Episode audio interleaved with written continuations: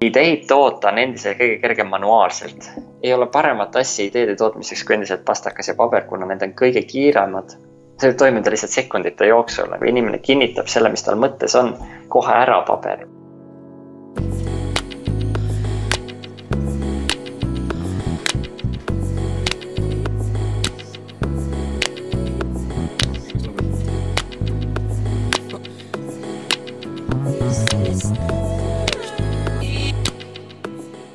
tere, minu nimi on Rainer Streffeld ja te kuulate kuueteistkümnendat episoodi saatest Globaalsed eestlased, kus nagu ikka, on minu eesmärgiks äh, Eesti Vabariigi sajandaks aastapäevaks luua mälupilt silmapaistvatest Eesti inimestest üle maailma ning üksteiselt õppida. Äh, minu soov on äh, luua eeldused selleks, et Eesti diasporaa muutuks teadlikult proaktiivseks, toimivaks mis tähendab seda, et, et kui me, kus me toetame teineteist, kus meie väärtussüsteem areneks kaasavaks ning äh, ka sotsiaalselt tugevaks.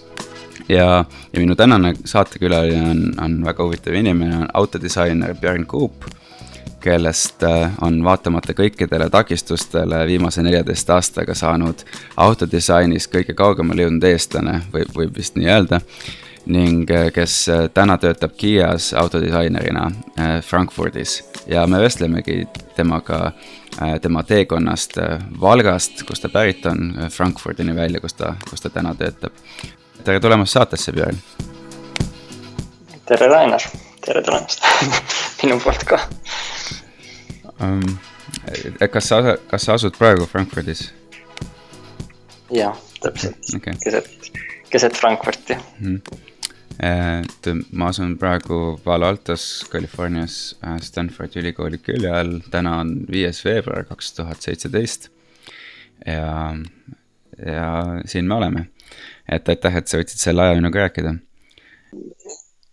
räägi, kuidas, kuidas sai üks Valga poiss endale nimeks Björn? see on jah huvitav lugu, ilmselt see tuleb ka sellest, et äh, kaheksakümnendate algus oli see, kus ilmselt nagu neid lääne mõjusid hakkas juba tulema ja eks mul äh, isa ja ema olid omamoodi ka ilmselt läänemeelsed, et ja tahtsid nagu paljuski võõranduda ilmselt sellisest äh, keskpärasusest. et ma ise, noh, sain juba lapsest saati sellest aru, et see andis kuidagi nii tugevalt tunda. et äh, eks äh, isa ja ema panidki siis noh, meile sellised nimed. et vend on mul Frank siis mulle pandi Björn, et Frank tuli ilmselt Frank Sinatra järgi ja siis Björn olevat tulnud ABBA järgi selle Björn Ulvaeusile. et äh, sellised ja noh, Björn Boori ka, kes oli tol ajal vist kõva tennisemängija, eks sellised mõjutused nagu äh, iseenesest mängisid seal vist päris palju rolli, on ju, et no neid Rootsi nimesid on tegelikult palju, neid Rootsi nimesid on tegelikult veelgi. Eestis, lihtsalt Björn on äh, Björn on võib-olla vähem kasutuses, eks ole, et, et.... jah, kusjuures ongi, et ma ise olen ka vaadanud, et nagu Rootsi nimesid, kasvõi Sven on ju, et, et teda on rohkem kui kah täiesti puhas Rootsi nimi on ju, aga, aga, aga, aga jah, et Björn ju tegelikult eriti palju ei ole mm -hmm.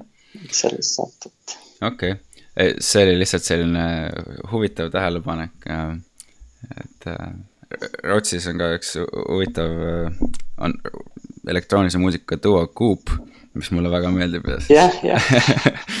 et see minu jaoks tekitas sellise tohutu assotsiatsiooni, kui ma esimest korda sinu nime kuulsin, võib-olla mingi kümnend tagasi äkki äh, kui. sellega oli jah, päris vahva lugu, et ma olin ise, ma mäletan, ma olin siis Itaalias vist või Prantsusmaal vahetusüliõpilane ja siis oligi, et ma läksin emaili.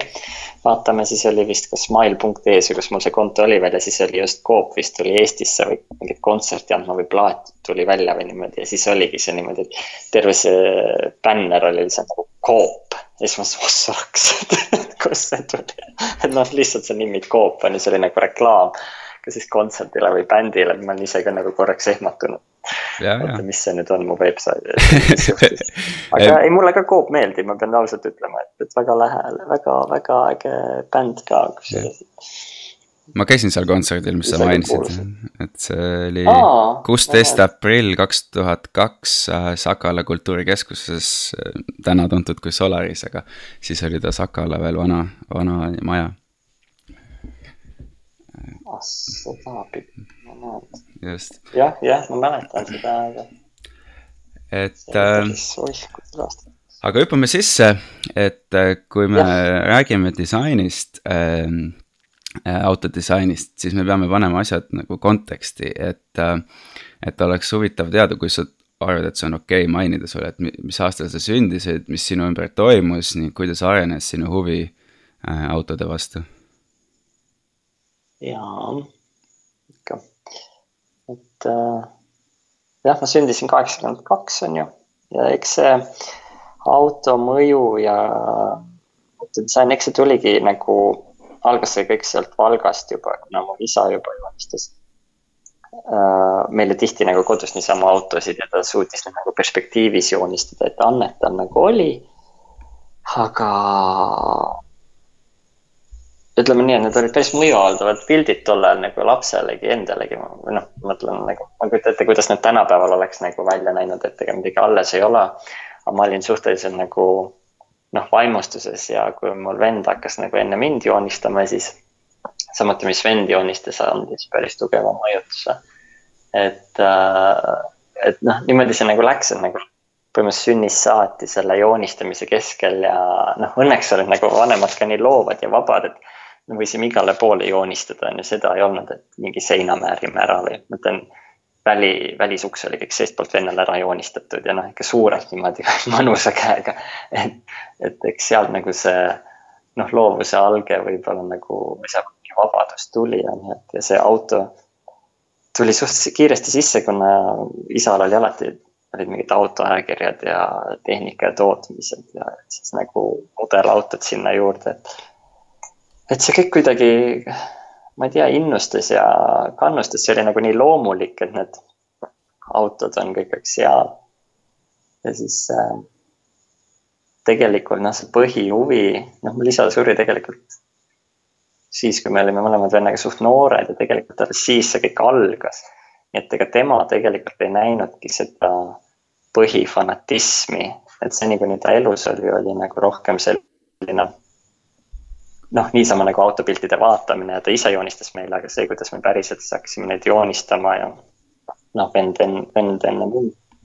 ja ma lihtsalt vaatasin üle venna õla otseses mõttes ja siis hakkasin ise kätt paberile panema.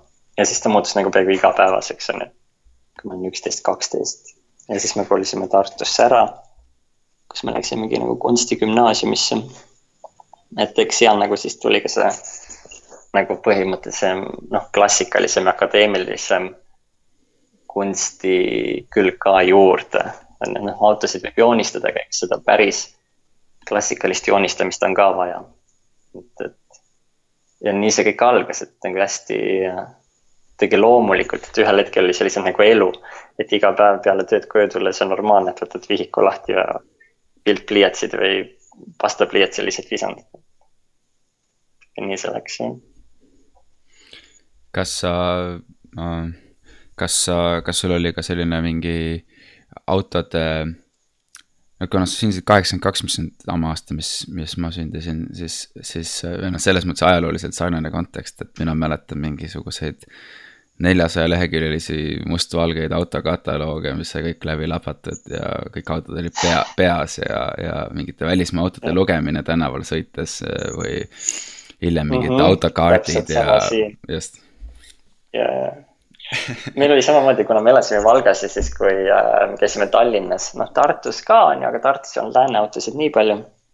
siis põhimõtteliselt oli see, et loendasime ära äh, kõik välismaa autod, mis me suutsime ühe päeva jooksul näha, et kui läksime tagasi Valkas, oli, aa, ma nägin kümmet või ma nägin üht-teist, noh, sest see oli nii nagu obvious või selge, et mis on lääne auto, mis ei ole, mis on nagu noh, mis on jama, on ju, otseses mõttes on ju. et iga lääne auto oli äge, mis iganes ta siis oli, aga ta oli läänest, on ju, see oli põhiasi, noh, mõned Soome autod, kus nad siis olid toodud Tallinnasse. aga, aga see oli jah, see iga auto oli nagu, see oli läänest oli äge ja see kõik mudeli nimed, margid, noh selles suhtes kõik oli ju nagu, kõike tuli teada ja kõik tuli ruttu pähe õppida ja mis see spido, spidomeetri peal on ja kõik need turbonätsud pärast ja sealt need kiiruste ja hobujõudude vaatamist, et see oli nagu täiesti, ma ei tea, see muutus nagu nii igapäevaeluks on ju. et, et, et jah, seda ma mäletan ja mm -hmm. hiljem need autoajakirjade ostmised ja noh, ma ei tea, see oli ikka, kui ma tagantjärgi mõtlen, mis nagu raha läks sinna ka, on ju, et see oli täiesti masendav jah, ma mäletan küll seda aega, sellest äh, sinu, sinu algusaegadest ja nüüd, kui edasi vaadata, sellest saaks üsna hea dokfilmi, mulle tundub. Eriti see tur- mm -hmm. turbonätsude ja kataloogidega ja mingi Valga poiss, et see on üsna, üsna hea mõte, panna see endale kõrva taha. Ja, ja nojah, miks mitte. aga kuidas, kuidas edasi jõudsid, kuidas sa, kuidas sa läksid EKA-sse õppima, eks?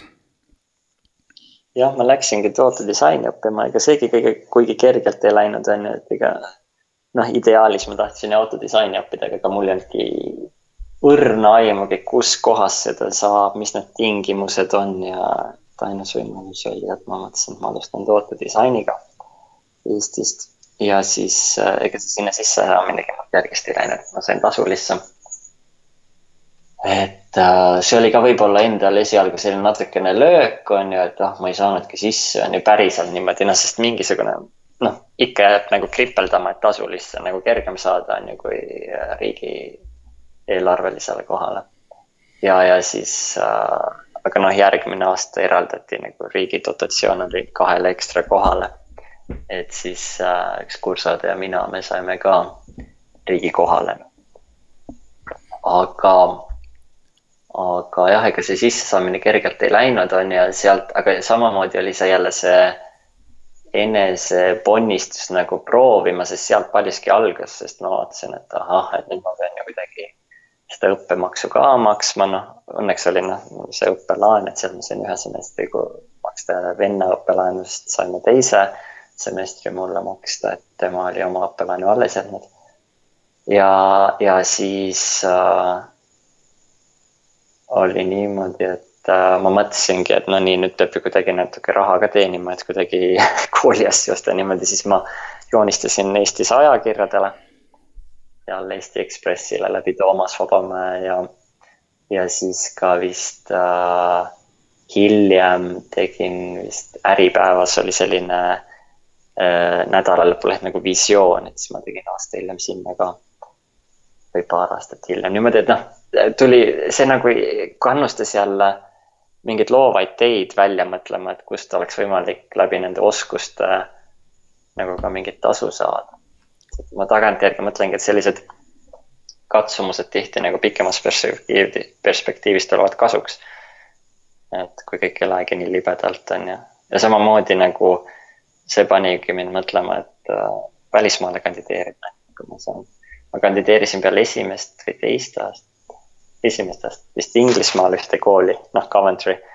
kui ma sain sisse, aga siis ma sain aru, et sinna saab põhimõtteliselt igaüks sisse, et nad lihtsalt tahavad raha saada, seal on sellised sajased klassid. siis ma mõtlesin, ei sinna ma küll ei lähe, et see on tõesti mõttetu onju. õnn oli, et ei läinud, sest see ei ole nagu, seal on tõesti lihtsalt nagu disainerite vabrik. ja ega seal mingit nagu sellist individuaalõpet ei ole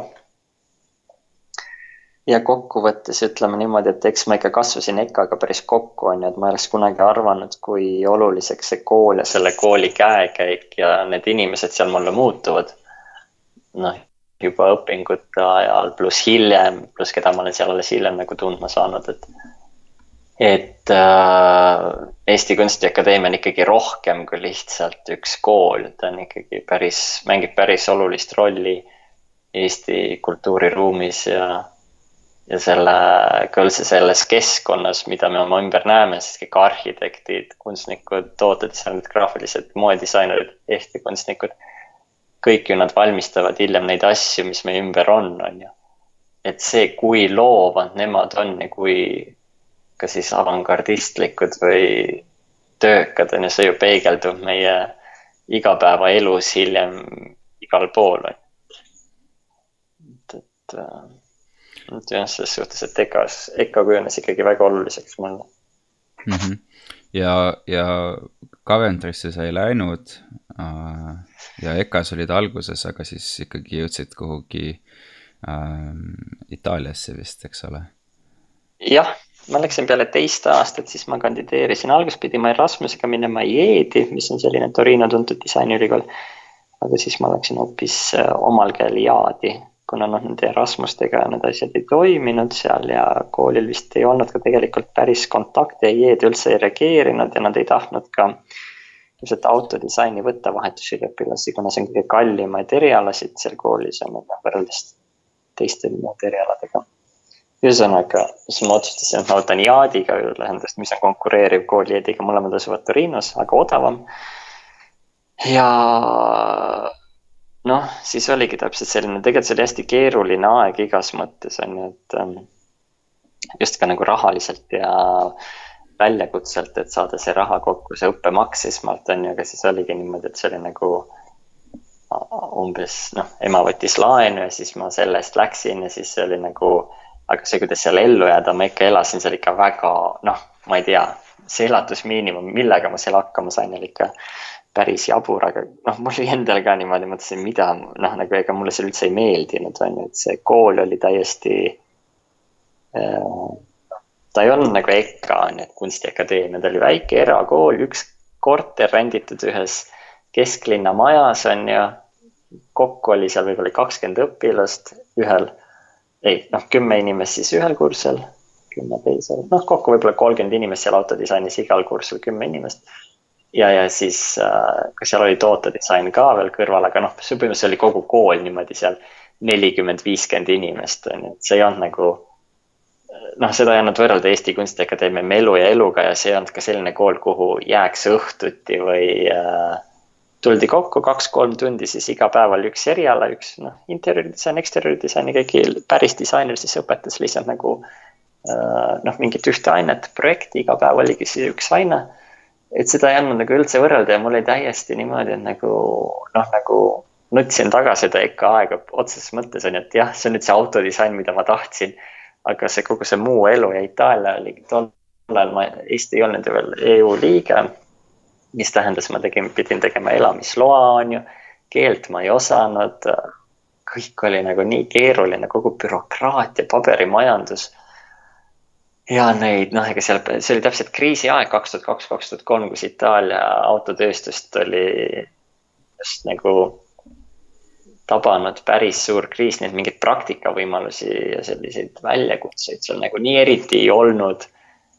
et see oli jah, selline kuidagi kurb aeg, aga samaaegselt see oli see alus, sest seal ma pidin nagu itaalia keele ära õppima, seal ma pidin hakkama vaatama, kust mingeid kontakte saab, siis ma sain äh, ühte firmasse praktikale, mis noh, nad ei teinud midagi erilist, nad tegid ka mootorikatetele mingit disaini, aga kokkuvõttes nad võtsid mõned tudengid, kes lihtsalt joonistaks neile ka autovisioone, et nad tahtsid nagu Hiina turule minna. ja siis oli nagu ideaalne, et mul on ju lihtsalt seal olla ja lihtsalt visandada, joonistada oma oskusi harjutada.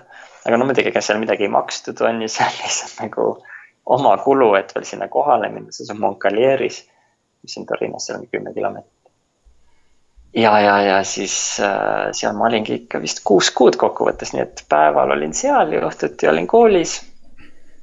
kuna seal Torinos toimusid tunnid õhtuti.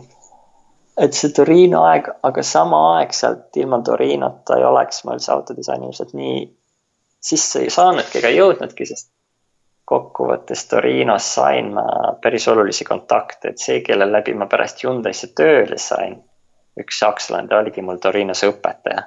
nii et kui ma ei oleks sinna läinud, ei oleks ma, mul ka seda kokkuvõttes seda Hyundai kontakti tekkinud, niimoodi et Torino on nagu, vaatamata kui raske see aeg oli, oli ta ikkagi nagu väga noh, oluline minu selles, kogu selles loos tegelikult ma tahtsingi küsida, et, äh, et mis äh, võib-olla oli eriline selle kooli puhul, et, et isegi kui võib-olla ainult viiskümmend inimest oli seal äh, kokku koos õpilaste ja õppejõududega, siis kui sa võtad needsamad viiskümmend inimest ja paned võib-olla nagu EKA konteksti või mis iganes muu suurema ülikooli konteksti, kus on muud erialad ja, ja, ja, ja on lihtsalt suurem selline kogukond, et, et kas see, kas see sisu, mis sa sealt said, sa jäid sellega lõpuks rahule ja, ja miks ta ja, ja miks sa ikkagi arvasid, et see oli hea valik mm,? nii ja naa on ju, et selles suhtes ta oli, ta andis hästi akadeemilise auto disaini alge, et kuidas tuli nagu noh, meil oli see ilddisain ja tehnika, siis tehniline joonestamine autost on ju, et kuidas siis tuleb vaateid teha ja mis oli alguses nagu must maag, mõtlesin, mismoodi see üldse käib. siis ma hakkasin vaikselt seda aru saama ja seal nagu joonistatakse lekaalidega. noh, siis sellised plastikust välja lõigatud kaared, et see on nagu hästi selline nagu otseses mõttes old school. et autod siis illustreeritakse ilusti A3 või A4, A2 paberitena. et selline hästi akadeemiline nokitsemine, sest ma, ma olingi ju seal ainult aasta aega ja kui ma läksin Prantsusmaale pärast siis aasta hiljem läbi EKA vahetusüliõpilasena Strati, siis tegelikult ma sain aru, kui hea oli see, et ma olin Torinos olnud, sest ilma Torinota ma ei oleks ilmselt saanud sinna, noh, Stratis on EKA-ga siiamaani partnerlus, et Eesti Kunstiakadeemia tudengid saavad ühe semestri või kaks semestrit teha Stratis. Pariisis, mis on päris, noh, ikka väga hea autodisaini kool, eriti tol ajal oli ta just selline Euroopa top kolmes aga ilma selleta ei oleks ma võib-olla sinna autodisaini kursusele pääsenud. noh, et ta mängis ikkagi päris olulist rolli sellepärast, et ma järgmine aasta sain sinna Erasmusega Pariisi ja siis nagu just, et sinna autodisaini kursusele, sest seal ma nagu olingi ainult äh, ühes tootedisaini projektis ja autodisaini projektis, et muid erialasid ma ei teinudki, et noh, Strat kuigi on nagu pakub kõike, on ju, seal on pakendidisain, auto ja noh, nii edasi, on ju, ega nad ei taha ka vahetust tudengitele anda neid autodisaini kohtasid. aga noh, see on jälle siis võib-olla hiljem see lugu, et kuidas ma sinna Pariisi läksin ja jõudsin, nii et aga ühesõnaga kogu see Itaalia aeg muutu-, muutus nagu ülioluliseks, et järsku oli ta nagu, mängis väga suurt rolli jälle, hiljem muidugi et, et, et see on kuidagi nii, et ilma Itaaliata ei oleks olnud neid järgnevaid samme. okei okay., ja sa mainisid, et sa tegid nii-öelda kõrval projektikesi või tööotsi, et saada seal nagu natuke paremini hakkama, et äh, aga mida sa ise pead oma esimest, esimeseks töökohaks autodisainerina ja, ja kuidas see juhtus? oligi Hyundai ikkagi jah, et ma olin siis äh, olnud peale Pariisi, kui ma olin vahetusüliõpilane, juba sel ajal ma käisin Volkswagenis praktikal Hispaanias, mis oli nagu väga noh, tol hetkel väga hea stu-, või noh, ta oligi väga hea stuudio. ja ilmselt siiamaani on, aga nüüd nad asuvad äh, Berliinis või noh, Potsdamis Berliini küljel. aga peale seda ma läksin siis Hyundai'sse, kuhu mu see õppejõud oli läinud Torinosest ja, ja peale aastat aega Hyundai's praktikal olles sain ma sinna tööle. niimoodi, et see oli siis päris esimene selline päris töökoht kohe. seda, et äh, see oli siis aasta kaks tuhat viis peale EKA lõpetamist. ma tegin oma diplomitöö praktikal olles seal Eesti Kunstiakadeemia jaoks ja peale seda siis tulingi Saksamaale siis nagu tööle mm. -hmm.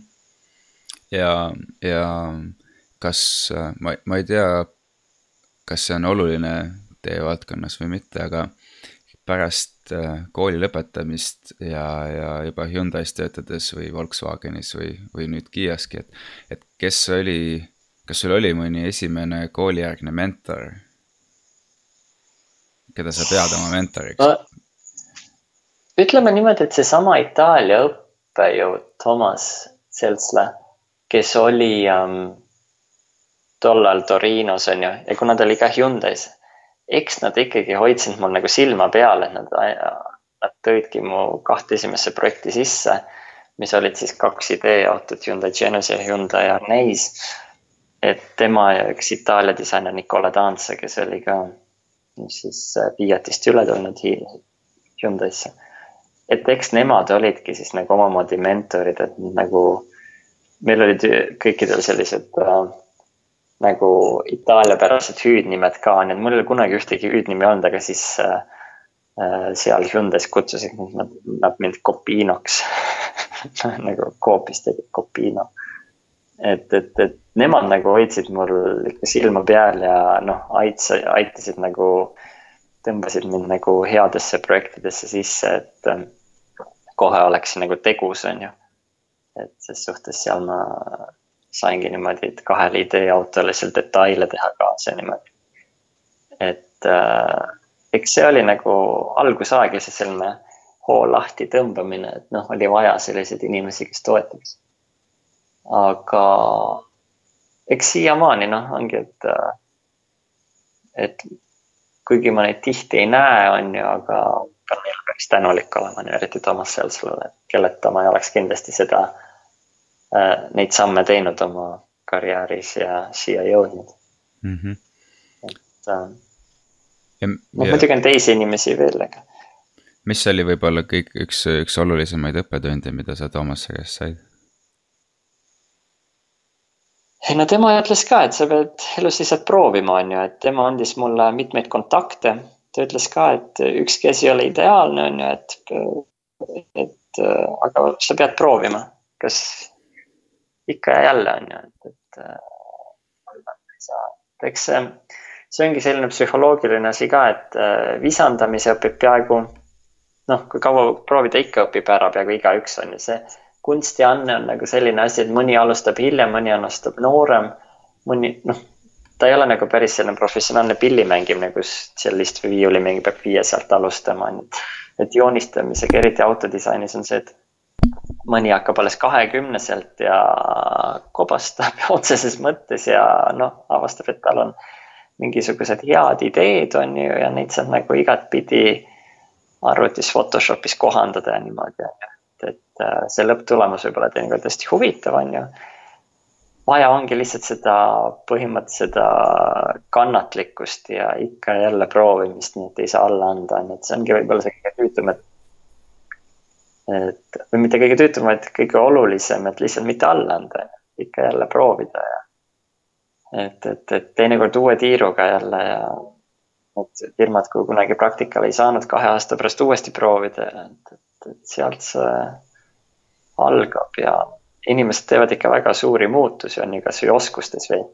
kui ma olin nüüd EKA-s eelmine aasta, siis ma nägin enda mingeid visandeid, mis ma olin teinud kunagi aastaid tagasi, see oli otseses mõttes õuduskuubis, ma mõtlesin, et mul oli nii halb, et ma rebisin need puruks, siis ma mõtlesin, et tegelikult ma ei oleks seda tohtinud, ma siiamaani kriibin, ma ei oleks tohtinud neid rebida, sest see oleks nagu hea näide olnud sellele, et vaadake sellisest, et kui te palju proovite, et siis ikkagi kuhugile te võite ikkagi tööle saada, kuigi te joonistate nagu niimoodi esialgu, on ju. et see, see oli selle, seda oleks jah mõistlik teha, et ma pidanud alles jätma, et mm -hmm. üleüldiselt äh, tudengitele nagu lohutuseks. kas sa ähm, autodisainerina, kas sa, kas sa keskendud mingile kindlale osale autost? Ütleme niimoodi, et noh, see on nagu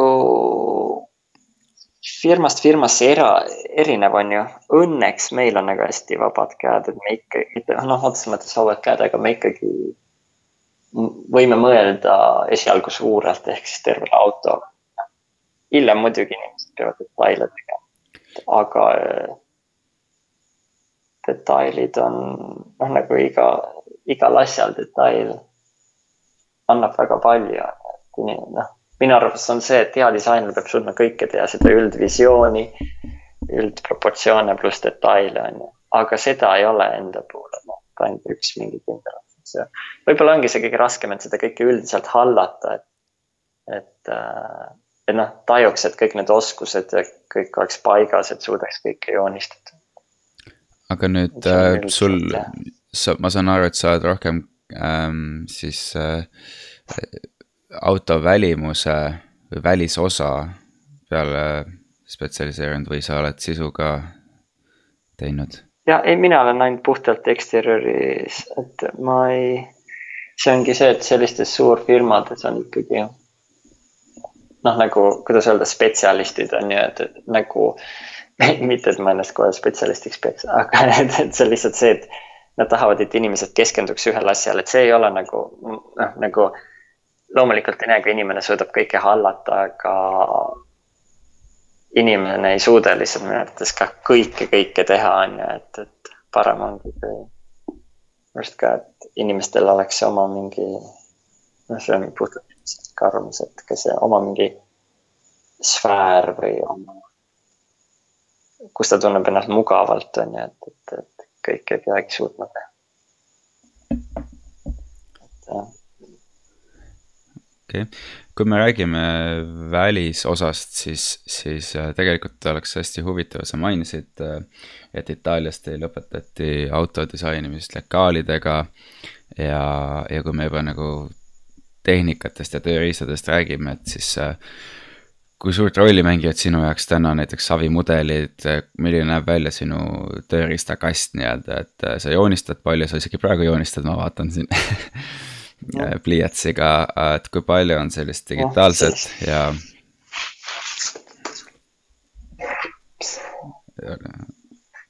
ei ole auto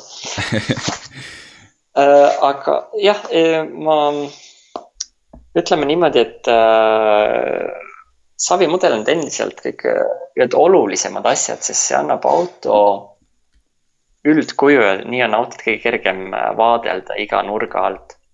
Et virtuaalne reaalsus on oluline, aga kahjuks jäävad ikkagi need omad tingimused ja need ei ole nii kerge muuta ja ta, ta ei ole nii, mitte plastiline, kuidas öelda, aga noh, matemaatika ei suuda päris kõike niimoodi lahendada, on ju, kuna kõik need programmid on, igalühel on oma mingi aga.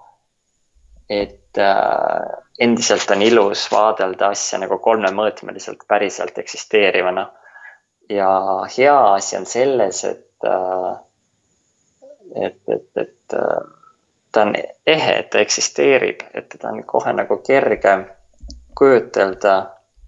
noh, kohe vaadeldav kõikide inimeste poolt on ju, et, et nagu, et minu jaoks on nagu et see, see enda tööriistakast, noh õnneks nagu hinnatakse endiselt äh, või noh, kuidas öelda, ideid toota on endiselt kõige kergem manuaalselt. ei ole paremat asja ideede tootmiseks kui endiselt pastakas ja paber, kuna need on kõige kiiremad. Äh, ja see võib toimuda lihtsalt sekundite jooksul on ju see idee genereerimine. kohe, kas järgmine inimene kinnitab selle, mis tal mõttes on, kohe ära paberiga, siis see idee kuidagi sealt on mitu tükki ja saab kohe vaadelda, et milline neist võib paremini toimida ja savimudel on samamoodi.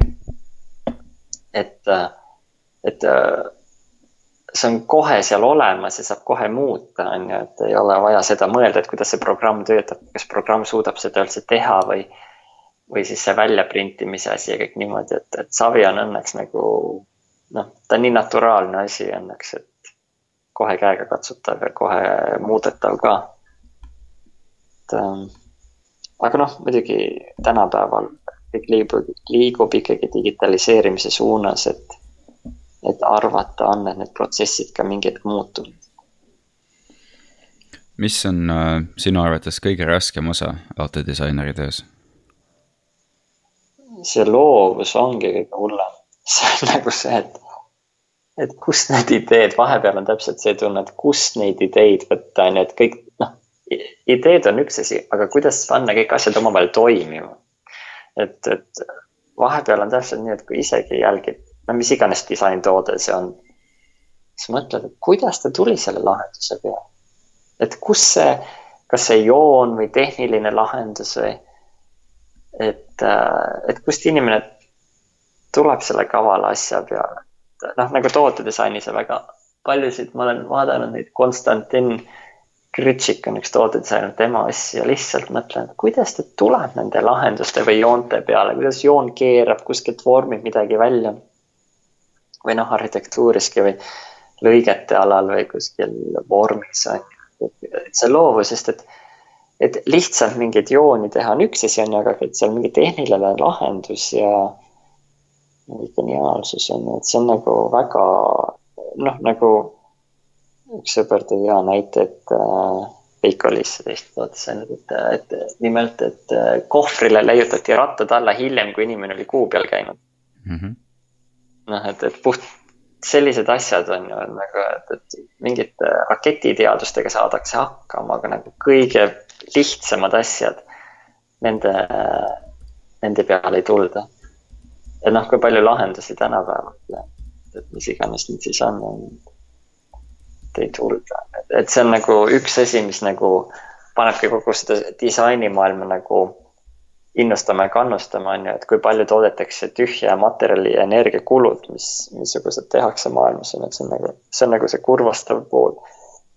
tegelikult, kui noh, oleks üleüldiselt parem ja kavalam disain, siis, siis ilmselt oleks vähem ressursside kulu ka.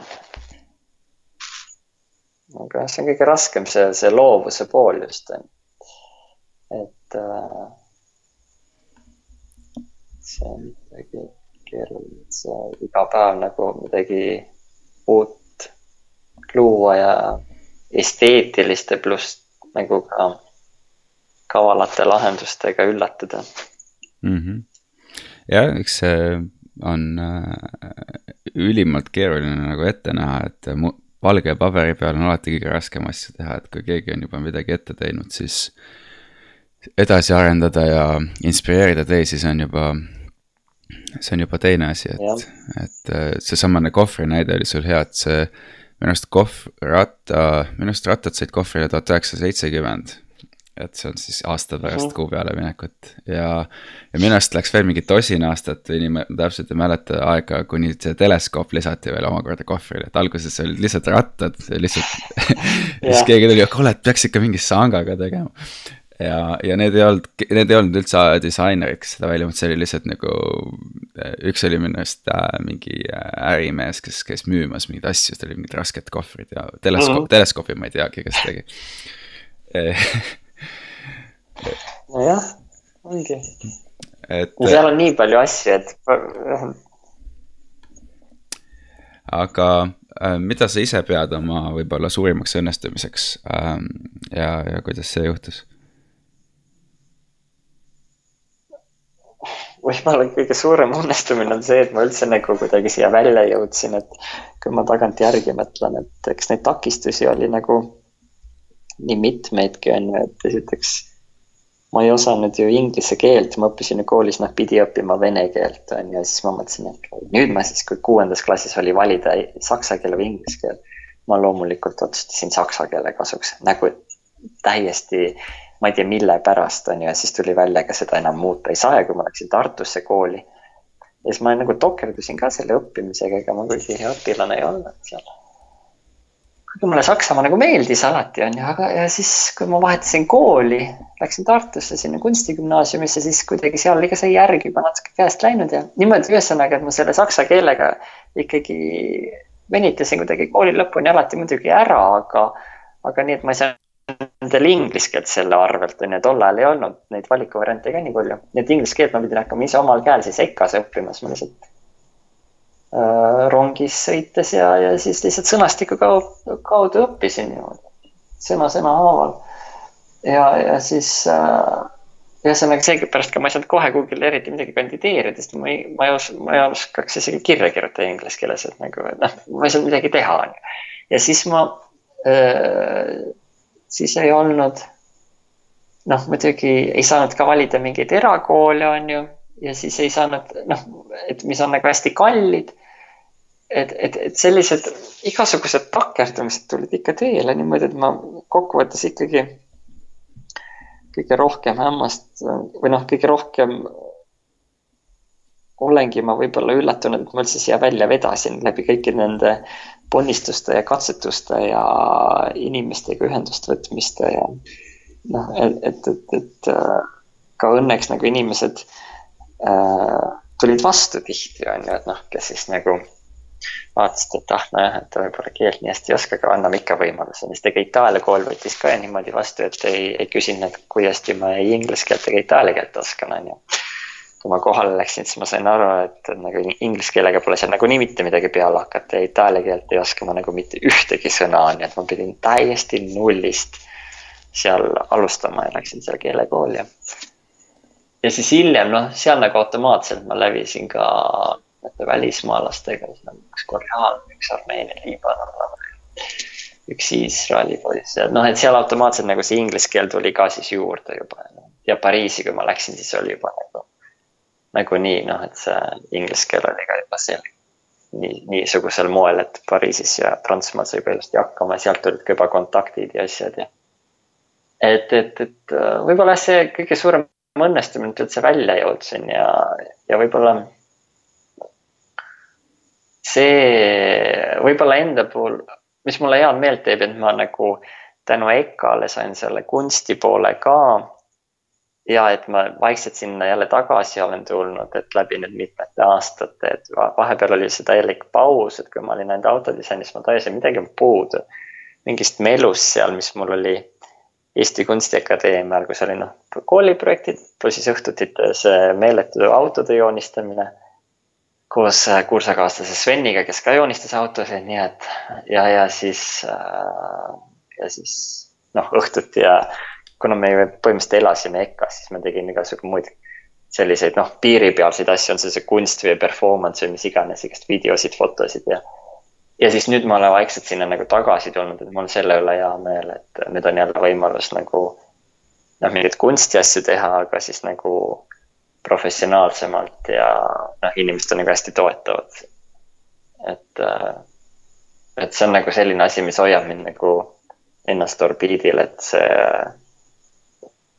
et, et, et noh, võimaldab nagu elada seda elu, mis kunagi oli ka nagu Eesti Kunstiakadeemias igapäevane mm. -hmm. kahtlemata see, see, kuhu sa oled jõudnud, see on äh, märkimisväärne minu arvates, et see on äh, hästi, hästi suur saavutus.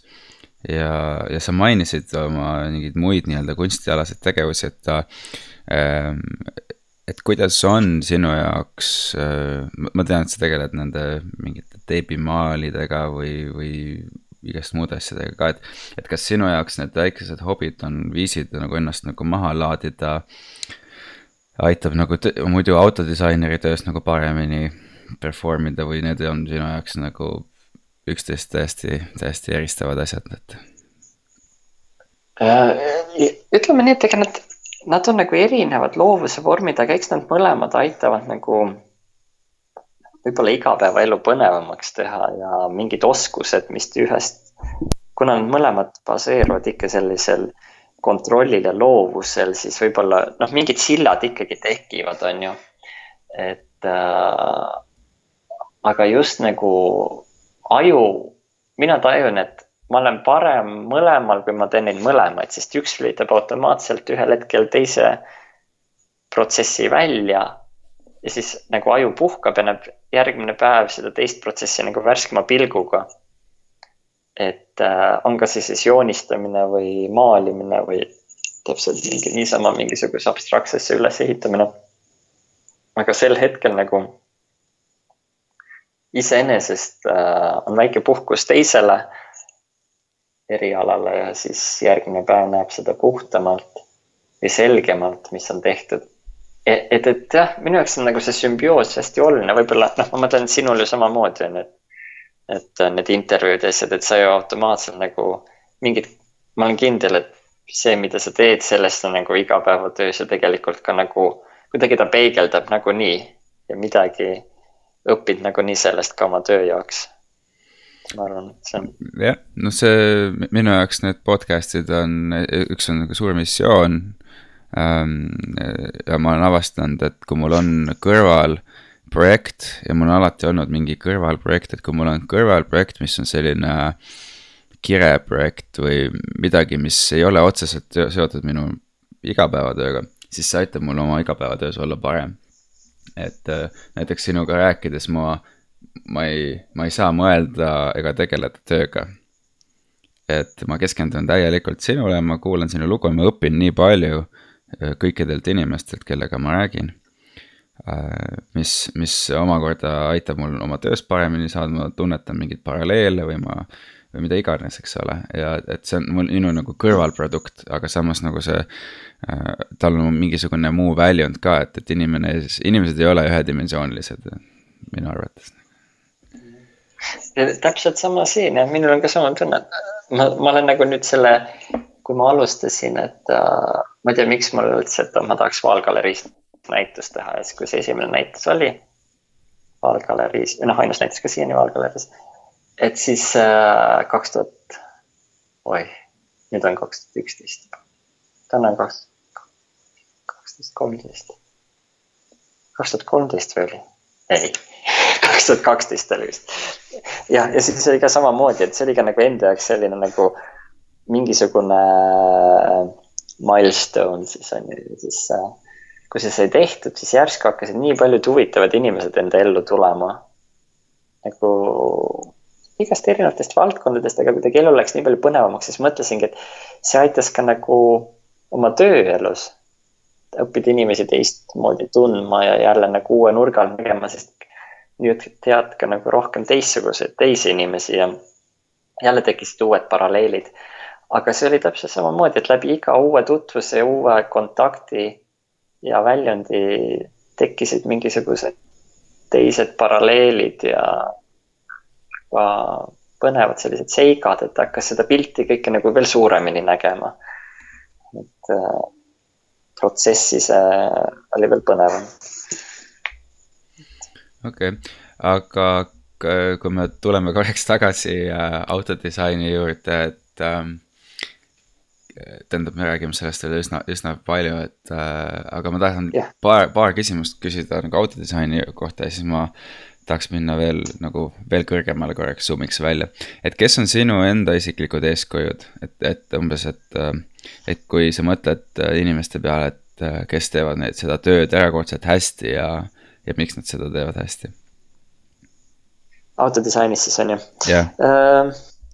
Ütleme niimoodi, et eks see kõige olulisem alge või oligi, noh, me ei saa ümber, üle ega ümber ikkagi Itaaliast, sest ähm, sealt kõik see algas, see kujunduskunst on ju kogu see disain kui stiliseerimine või stiliseerimine kui disain, siis on, sealt anti see esimene tõuge ja vorm ja puhas esteetika, et ega sellistest äh, nimedest nagu Giorgetto Giugiaro ja need äh, Nuzio Bertone ja, ja, ja samuti Marcello Gandini ja ega nendest ei saa üle ega ümber, on ju, nad on nagu, nad ikka panid aluse väga mitmetele autodele, milleta ei oleks nagu tänapäeva autodisain see, mis ta on. kõik need Lance Stratosed ja Alfa Juliad ja, ja noh, see Lotus Esprit ja kõik, et, et see, see list tuleb pikk, on ju, aga need olid inimesed, kelle pool, kelle poole alati vaata palk üles on ja kuna nad olid, siis ei olnud kedagi ees, nad olid need esimesed, kes tulid millegagi välja. see, nad arendasid seda tõesti vormikeele protsessi. et äh, hiljem selge see, et Itaalia ei ole kahjuks enam see, mis ta oli. aga tol ajal niimoodi kuuekümnendatel, seitsmekümnendatel tegid nad ikkagi väga suure panuse maailma autodisaini jaoks, et et eks nemad nagu mängivad iseenesest rolli, aga hiljem, kes on veel nagu äh, mõju avaldanud, on muidugi üks äh, taanlane, Anders Warming, kes tegi disainis BMW Z4, et kunagi, kui ma olin Volkswagenis, siis tema oli seal ka tööl ja siis, kui ma nägin, kuidas tema visandab ja joonistab ja milline markeri käsitlemine ja värvide sulatamine ja see oli lihtsalt nagu nii võimas lihtsalt, et kuidas nagu inimkäed suudavad luua nii ägedaid pilte markeritega, et lihtsalt nagu noh, otseses mõttes nagu pani mõtlema, et kuidas see võimalik on. et see tehnika, mis tal oli, kõik oli nii äge lihtsalt, et et sellised inimesed jah, jäävad nagu meelde ja neid, äh, neid pilte oma silmaga näha ja seda protsessi valmimist, et see on nagu ikka päris äge. et, et just need oskused, millele inimesed ikkagi võivad küündida. see on, jah, see on midagi mm. -hmm. Uh me ei saa autodest üle ega ümber, kui me siin räägime, et äh, mis oleks sinu kõigi aegade top kolm jah, hea küsimus. Ütleme nii, et mulle on alati meeldinud, ma, e, e, kuna ma olen kaheksakümnendate aastate laps, siis iseenesest mul on mingi tõmme nende kaheksakümnendate autode vastu on ju, mis on siis noh, ma ei oskagi neid reastada, milline enne või milline pärast, aga eks mulle Lancia Delta Integrale oli kuidagi alati hingelähedane ja siis Peugeot kakssada viis turbo või see ralli versioon GTI, mis ta on, noh muidugi see, see üks ralli versioon oli, mis nad tegid. Dakari see oli laiade rattakoobastega niimoodi, et see oli nagu üks minu jaoks kõige mõju avaldamaid autosid üldse. mida ma hakkasingi nagu siis päriselt esmalt ise joonistama ja proovima seda niimoodi nagu. ma mäletan, et tal käis taguosa lahti, siis ma üritasin, et mootor on näha ja taguosa no ma kujutan ette, praegu ma ei tahaks seda visandit ilmselt näha, aga kuskil kümneaastasena tundus see jube äge. et äh, aga, et, et sellised jah, need oleks võib-olla sellised kaks autot, aga siis mulle meeldib veel Mercedes sada üheksakümmend Evo kaks on ju, mis tehti siis selle DTM-i jaoks. et viissada tükki, et selline üheksakümnendate alguse kast otseses mõttes, aga madal lastud et, et need on nagu ük-, noh, see oleks üks kategooria kõik, et see üks auto, aga siis samuti on äh, vanemates seal seitsekümmend, kuuskümmend on ka on väga huvitavaid leide iseenesest on need. ah, kasvõi Lotus Esprit on ju, et, et, et kah väga selline sale ja peene joonega. et noh, jah, et Lamborghini Countach ja et see oli ka päris äge kokkuvõttes, aga noh, sellised nagu dream autod. Need on nagu peaaegu igaühe dream autod on ju, et see, nendes ei ole võib-olla seda individuaalsust isegi enam. aga ma mõtlen, mis veel on nagu mu, nagu mõjutanud võib-olla või. ma mõtlen mis veel ere on? muidugi, mis mängis ka suurt rolli, oli Peugeot nelisada kuus Coupe, et arvestades ta ju ehitati täitsa tavalise esisillaveolise äh, auto platvormile. noh, nüüd teades, kui raske on tegelikult nagu aut-, noh, mis erinevus on esisillalistel, tagasillaveolistel ja kui raske on proportsioneerida ja tuua esile auto sellist essentsi Äh, kui need ehitatakse ka tavalisemale platvormile nagu oli Peugeot nelisada kuus, siis see kupee versioon on täiesti nagu noh, ikkagi minu jaoks täiesti nagu itaallased ütlevad capolavoro on ju nagu, mm -hmm. selline siis nagu masterpiece, et, et, et äh, selle tegi ka üks itaallane vist minu arust. see oli Pininfarina, Pininfarina stuudio minu arust. Pininfarina jah ja oligi Pininfarinas tehtud ja minu arust oli see disainer David Arcangeli, kes hiljem, suht kurva looga disainer, kes kahjuks äh, vist äh, suri päris noorelt. Aga, aga jah, et see auto oli päris mõjuavaldav just aastal üheksakümmend kaheksa, kuna ta välja tuli, siis ma mäletan, siis ma joonistasin ise ka seda nagu. proovisin sealt üle kolme A3 paberi kleepsin need kokku omale joonistada, et, et, et lihtsalt ma tean, et ta oli nagu mingisuguse märgilise tähendusega. et äh, mm,. aga, aga loomulikult, et see peab rohkem autosid. aga kui me hüppame nagu nüüd äh, tänapäeva, et võib-olla ma, ma ei arvagi, et nagu mingit topi oleks vaja luua, aga võib-olla, mis on sellised äh, sinu lemmikud või tähelepanuväärsemad äh, viimase viie aasta jooksul välja tulnud äh, autod äh,?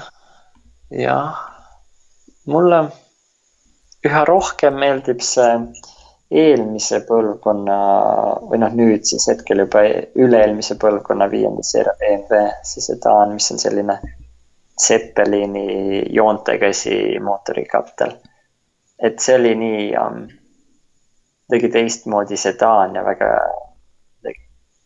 teistmoodi joontega ja puhas noh, ta tuli juba küm-, ma mäletan, ta tuli siis välja, kui ma olin, õppisin Itaalias. siis kaks tuhat kolm või, jah, või kaks tuhat neli siis. et noh, et ta ei olnud küll viimase, aga ta kuidagi püsis väga värske ja modernne päris pikalt. Aga mis veel? pean mõtlema.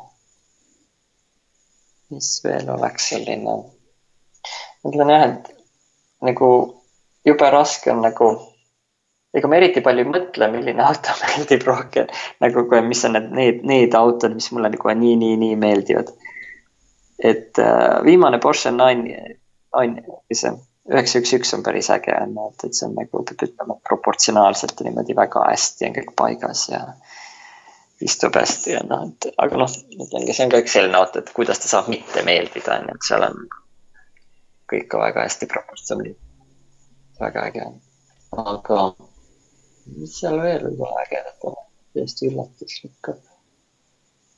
midagi teistmoodi hoopis.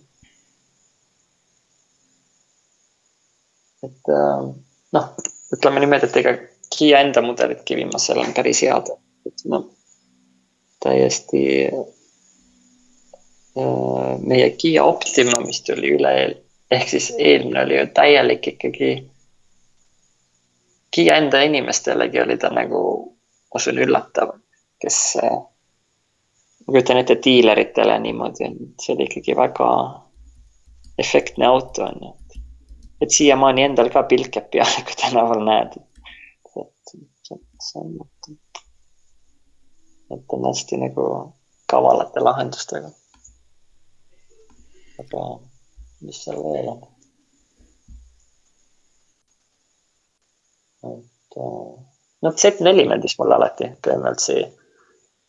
see kaks tuhat viis, kaks tuhat kuus mudel, see oli ka väga selline abstraktne auto otseses mõttes, ei saa pida-, ütelda, et ta nagu esteetiliselt ilus iga nurga alt oleks, aga tas oli mingi täielik avangardism ja nagu hästi kuidagi lahtine lähenemine. et selle disainer oligi see Anders Holmik, see taanlane. et äh, ta seletas ka, kuidas ta seda, neid kerepindasid nägi ja mõtles, et see on nagu päris nagu huvitav lähenemine.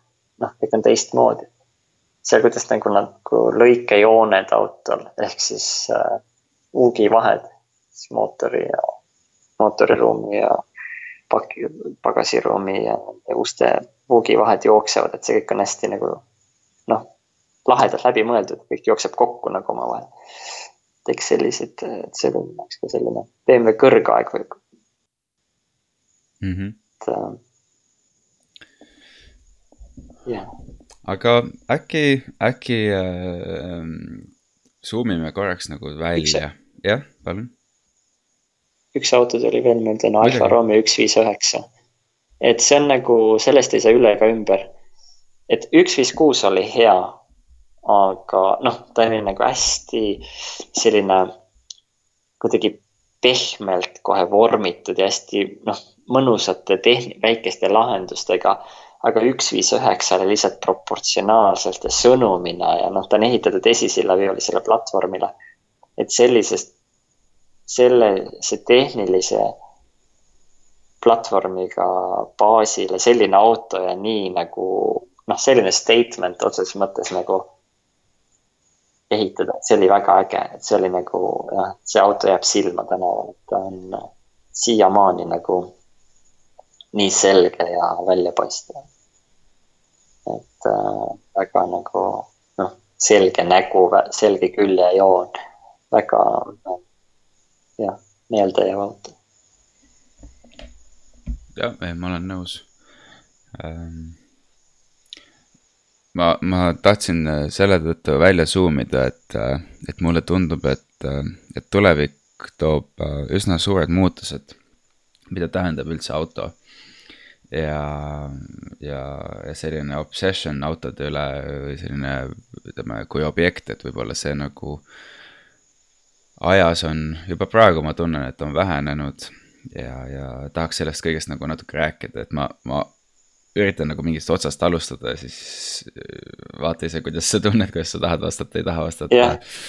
et äh, natuke filosofeerin, et kuidas sa äh, ise näed seda, kuidas selgitada seda, et äh, autode välimus on siis viimaste kümnenditega muutunud ainult sel-, kurjemaks ja kurjemaks, kui nii võib öelda. et kui mõned erandid võib-olla välja arvata, et noh, nagu sa mainisid, Porsche üks, üks, üheksa, üks, üks, esimesed Priuse kaks põlvkonda, võib-olla Kiia Soul ja, ja nii edasi.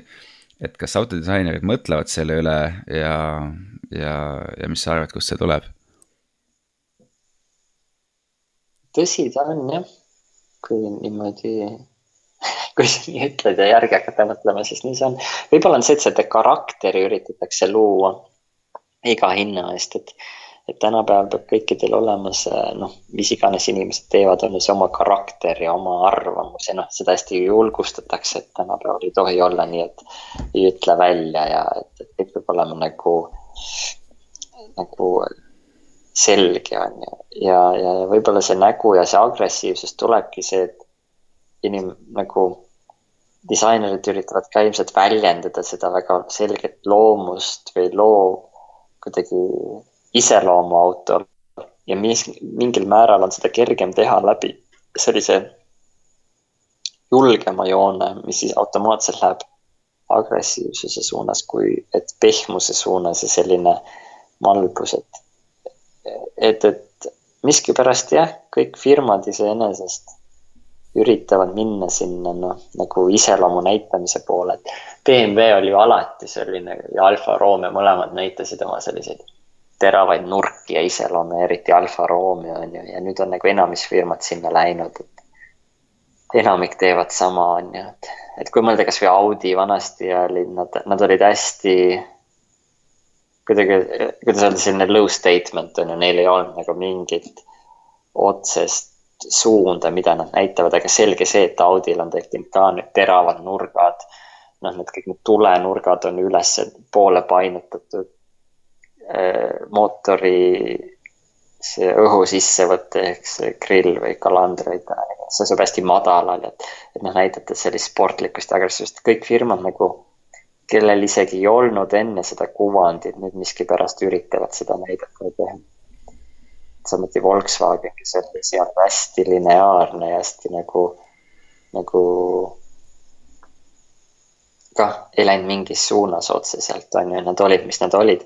aga tänapäeval ka nad juba kallutavad tulede nurkasid ja esiosa vajub madalamale, näitavad seda sportlikku ja iseloomu, nii et, et ja see on huvitav tähelepanek, et kui see on.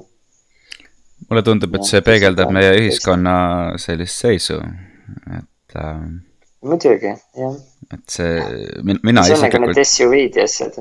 just et mina isiklikult arvan, et, et ta on, ta peegeldab nagu ühiskonna sellist äh, laadi või meelelaadi, et kui sa lähed kuuekümnendatesse, sul on see ajastu ja see võib-olla Henry Fordi ajal oli selline vähe aristokraatlikum veel, noh, esialgselt disainid hoopis midagi muud. et siis, äh, aga siis samal ajal nagu mu küsimus on nagu mündi teine pool, et, et kas sa arvad, et et, et disaineritel on võimalik nagu ühiskonna mõttelaadi ka muuta, kui nad ise äh, võib-olla midagi sellist maalbemat ja, ja rahu armastavamat disainiksid? ikka disaineritele endale tihti ongi, noh, ei meeldi sellised, see on nagu see, jälle see Fiat Multipla dilemma on ju, et nagu disaineritele ja paljudele ju see auto meeldib, on ju see auto oli julge samm, ta oli, ta oli teistmoodi, ta oli disainilahenduste pärast hästi kaval, neli meetrit, kuus inimest sees. Äh, noh, nagu hästi praktiline, hästi teistmoodi. Äh, noh, malbe iga nurga alt, on ju, aga see on täpselt see, et mingitele disaineritele ta hästi meeldib, on ju, et, et, et disainerid ise sõidavad tihti nagu hea meelega vaatavadki selliseid teistmoodi tooteid või teistmoodi asju, on ju, et aga eks tooteid tehakse ikkagi vastavalt turu nõudmistele, on ju, et, et turg ei ole valmis nagu noh, nagu esimene Renault Twingo, kui ta välja tuli, on ju, esialgu noh, idee oli muidugi teha modernne auto nagu noortele, aga seda ostsid ainult äh, vanemad inimesed ja see auto ei müünud esialgu mitte üldse. et täpselt, et ta oli selline iseloomutu, on ju, ümmargune iga nurga alt. aga ajapikku muutus hoopis fenomeniks, on samuti ju. et äh, varem ju need noh, Fiat viissada ka, mis, kui ta tuli kunagi välja viiekümne kuuekümnendatel, kummad, ka vist juba viiekümnendatel. et siis need autod olid täiesti sellised väiksed ja nunnud on ju, et, et äh, aga jah. disainerid jah, tegelikult noh, võimalus neil oleks, aga eks see olegi see, et tooteid tehakse ikkagi tänapäeval nagu vastavalt turu nõudmistele, et, et seda katsetamist enam vist noh, kuidagi nii palju ei tehta, et kuigi disaineritele endale tihti meeldivad teistsugused autod. Okei okay., ja, ja võib-olla see uh, natukene, järgmine küsimus võib-olla natukene läheb eelmise küsimusega kokku, see sõltub, kuidas uh, neid asju tehakse täpsemini, aga et miks uh, mis on põhjus, miks autotootjad ei suuda või ei taha välja tulla realistlike kontseptautodega? Äh, ma viitan siis, siis ütleme Elon Musk'i kriitikale, et, et kui Tesla tuleb mingi kontseptautoga välja, siis ta on üsna lähedal sellele, äh, mis päriselt välja tuleb. mida ei saa teiste autotootjate kohta küll öelda. nojah, eks seal ole ka nagu see erinevus, et paljud firmad ikkagi teevadki ju nagu ei tee autot show pärast, on ju, ja nendel on ikkagi väga konkreetne. Show autodel on ka ilmselt nagu erinevad faasid, on nagu diiserid, nemad teevad pigem diisereid, mis siis ta on, on nagu selline eelsoojendaja, on ju. et see auto on tegelikult neil juba tootmisvalmis ilmselt. et, et autot tõesti, uut autot välja toota, et selleks läheb nagu nii, nii, nii palju aastaid aega et ilmselt nende puhul ongi see, et see auto on kohe tootmisse tulemas ja nad lihtsalt teevad selle show auto pool aastat enne valmis, on ju, ja seda on kergem ka teha, on ju. Ja samaaegselt ei tekita sellist, see on nagu täielik selline loomulik üleminek, on ju, et see on lihtsalt firmade erinev äh, protsess on, et USA firmad viie-kuuekümnendatel pommitasid kõigega, on ju, nad tegid kõike, on ju, mis nagu, nad tegid a la ma ei tea, lennukitaolisi autosid ja kuuemeetrisi autosid ja noh, mida kõike on ju, et see oli puhas nagu show, et inimestel oli seda ka vaja, on ju. et, et äh, see oli lihtsalt see, et kuhu suunas nagu pärast seda inspiratsiooni nagu äh, või noh, kuidas saada lihtsalt mingi uus disainikeel ja vormikeel, mida autodisainis rakendada, aga selge see, et neil seda tehnoloogiat ei olnud, et äh, mida igapäevaelus kasu, iga, igapäevaselt pärast tootma hakata et äh, see võib-olla jah, igal firmal on oma mingisugune marketingi lähenemine. et Tesla on ilmselt nagu selle tee valinud.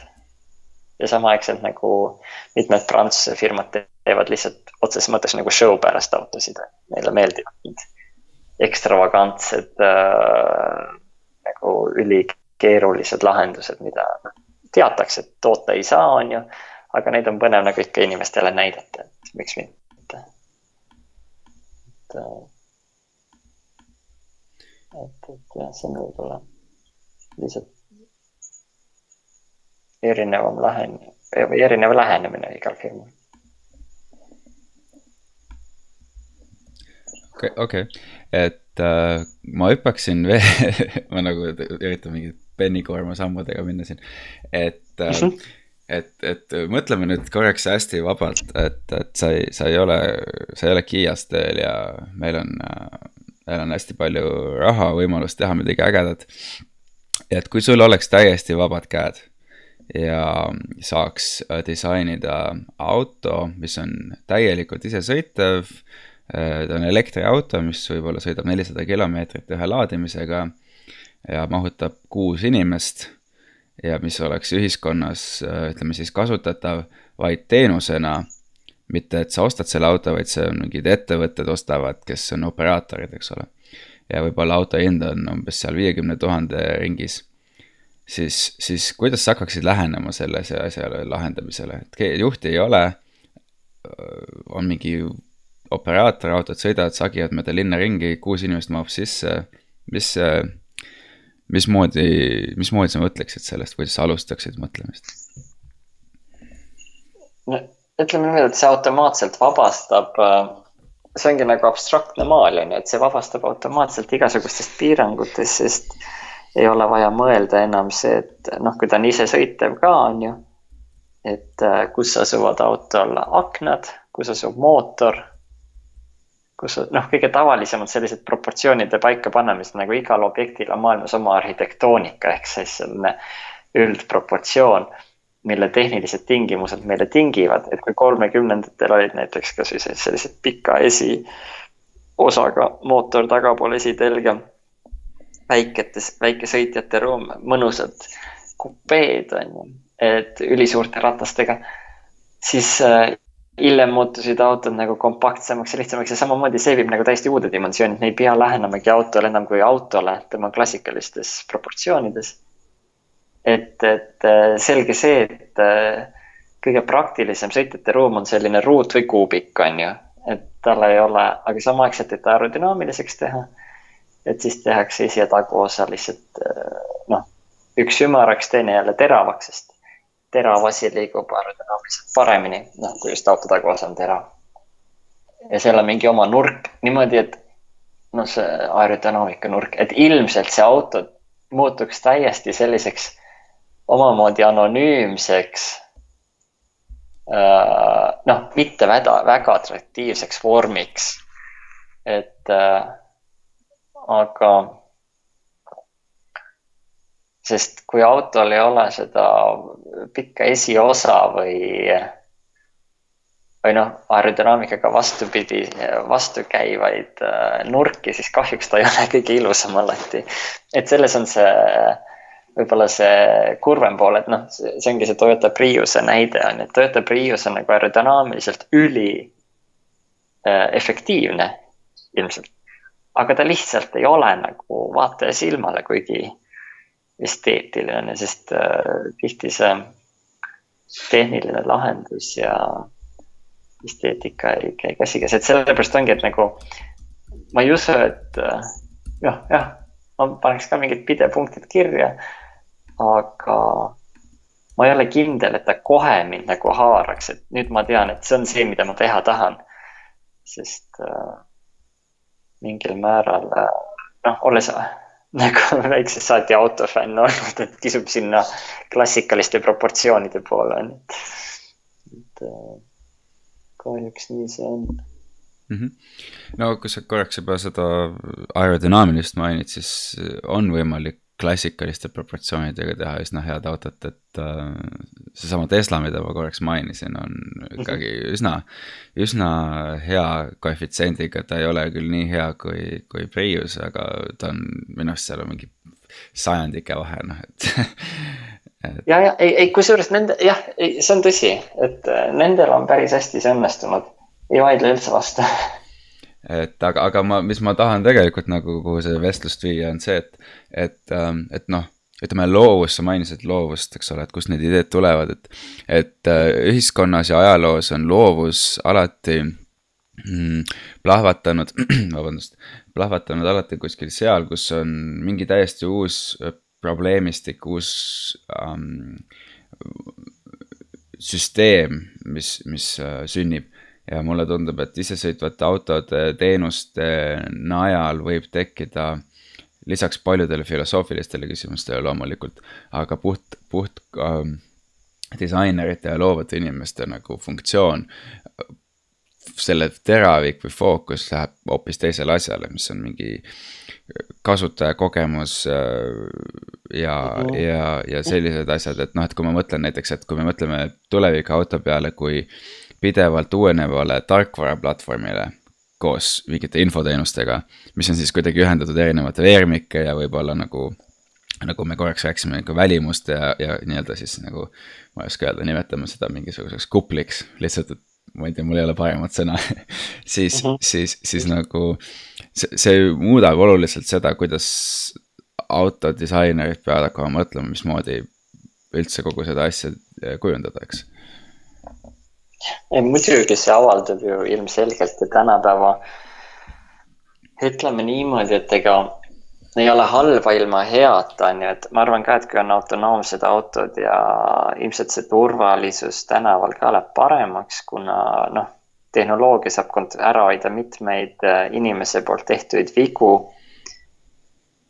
mis on noh, sest inimene on ikkagi.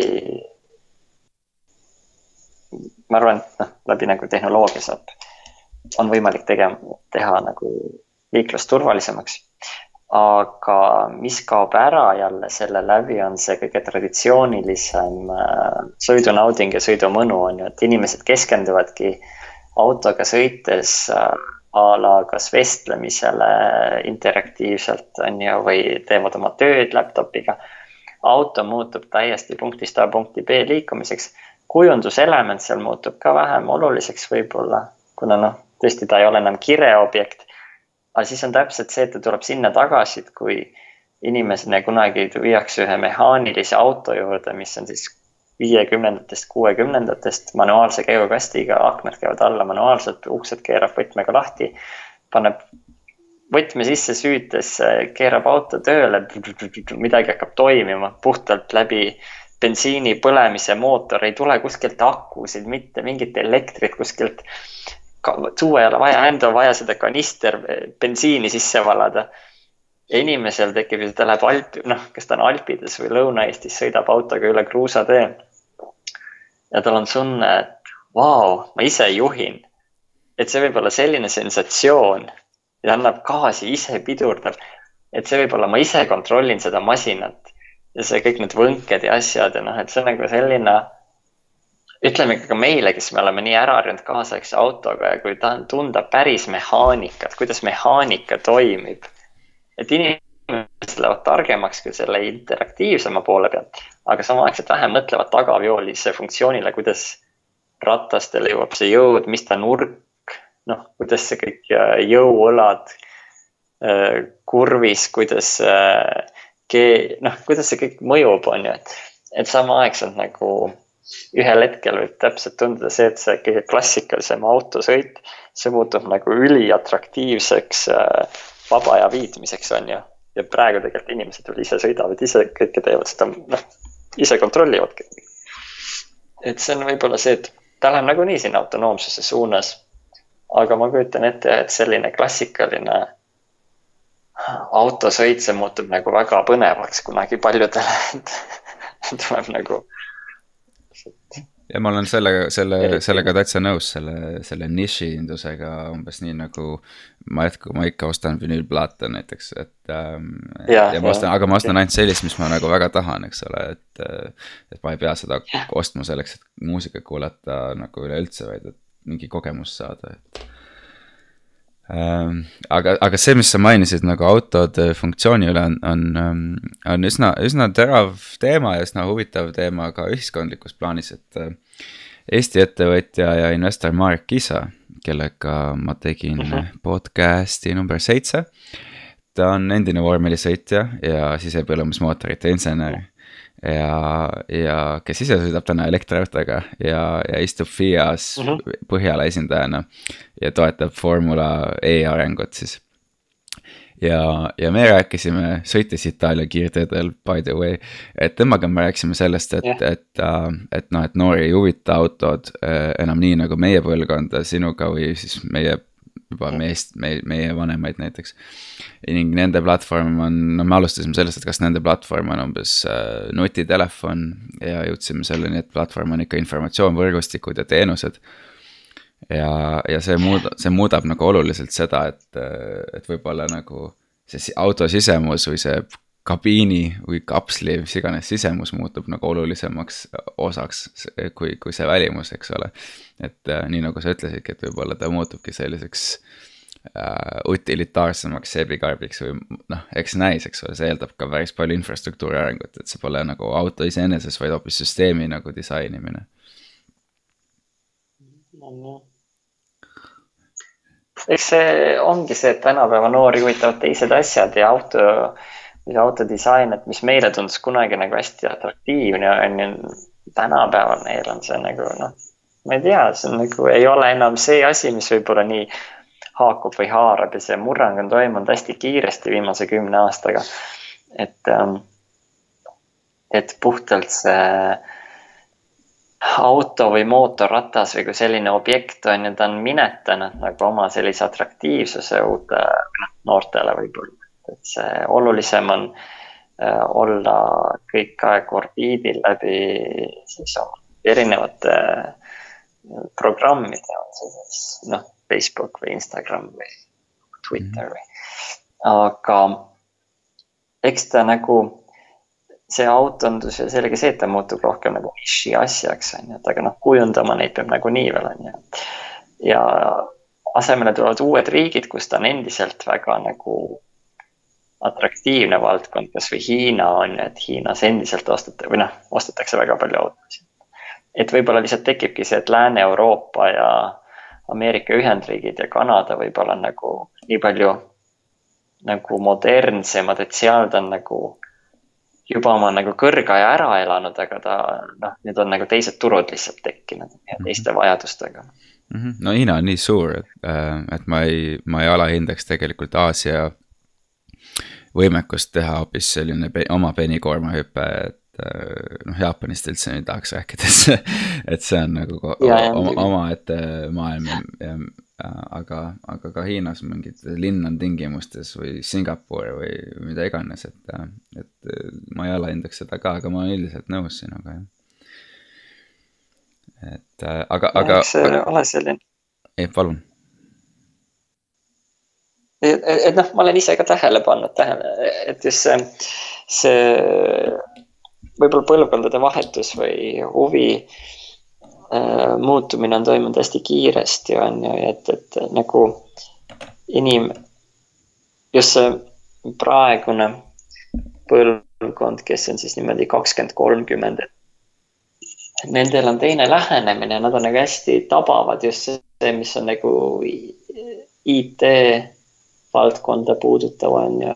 et lihtsalt see vanem põlvkond suutis ise nagu noh, nad olid hästi tehnilised, mina ka auto, mis toimub autori mootorikatteliga, ma sellest suurt midagi ei tea, on ju. aga ma mõtlen kasvõi nagu noh, kasvõi enda isaga on ju, tegid auto mootorikatte lahti, parandasid mingid asjad ära, on ju.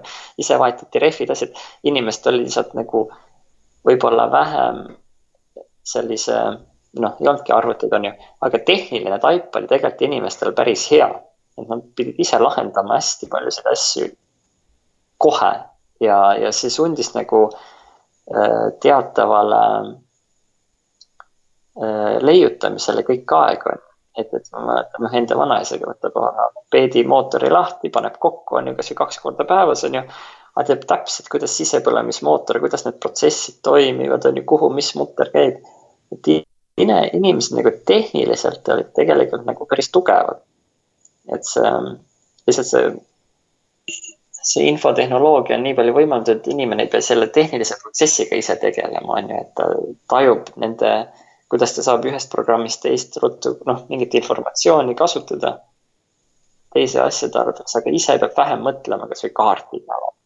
nagu, kuidas sõita linna ühest servast teise, on ju.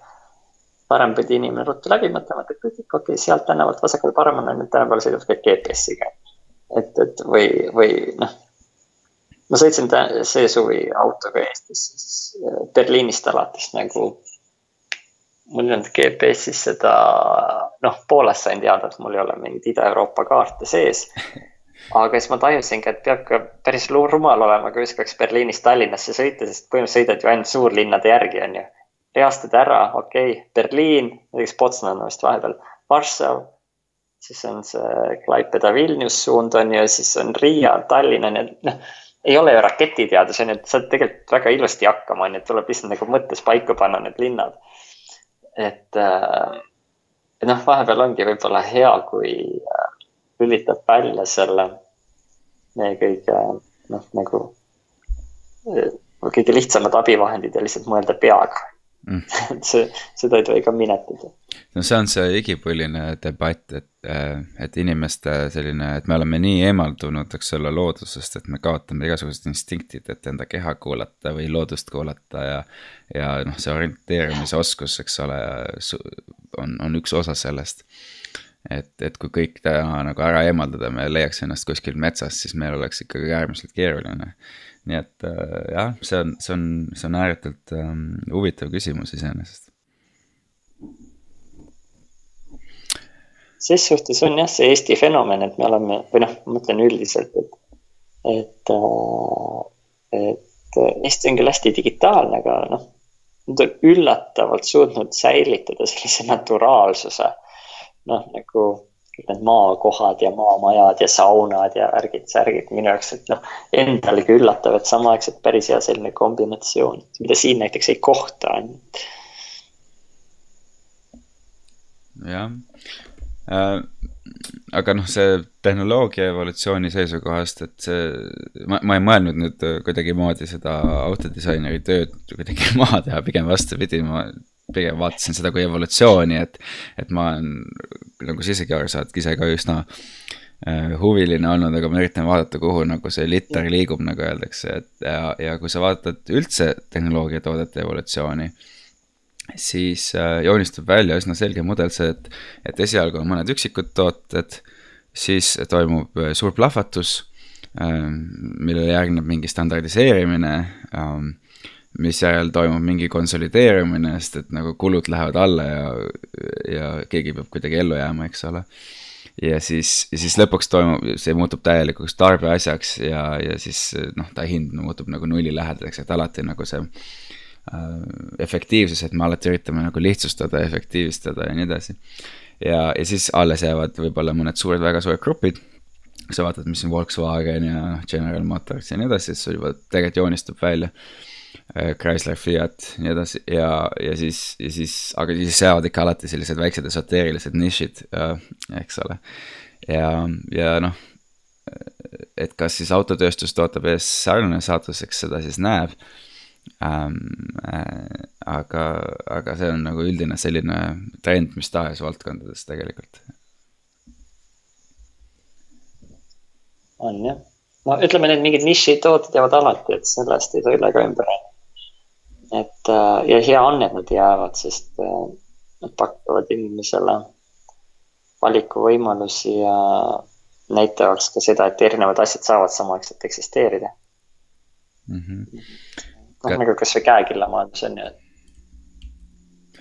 käekell on täiesti omaette jah, nagu, et, et sul ei ole tegelikult vaja käekella enam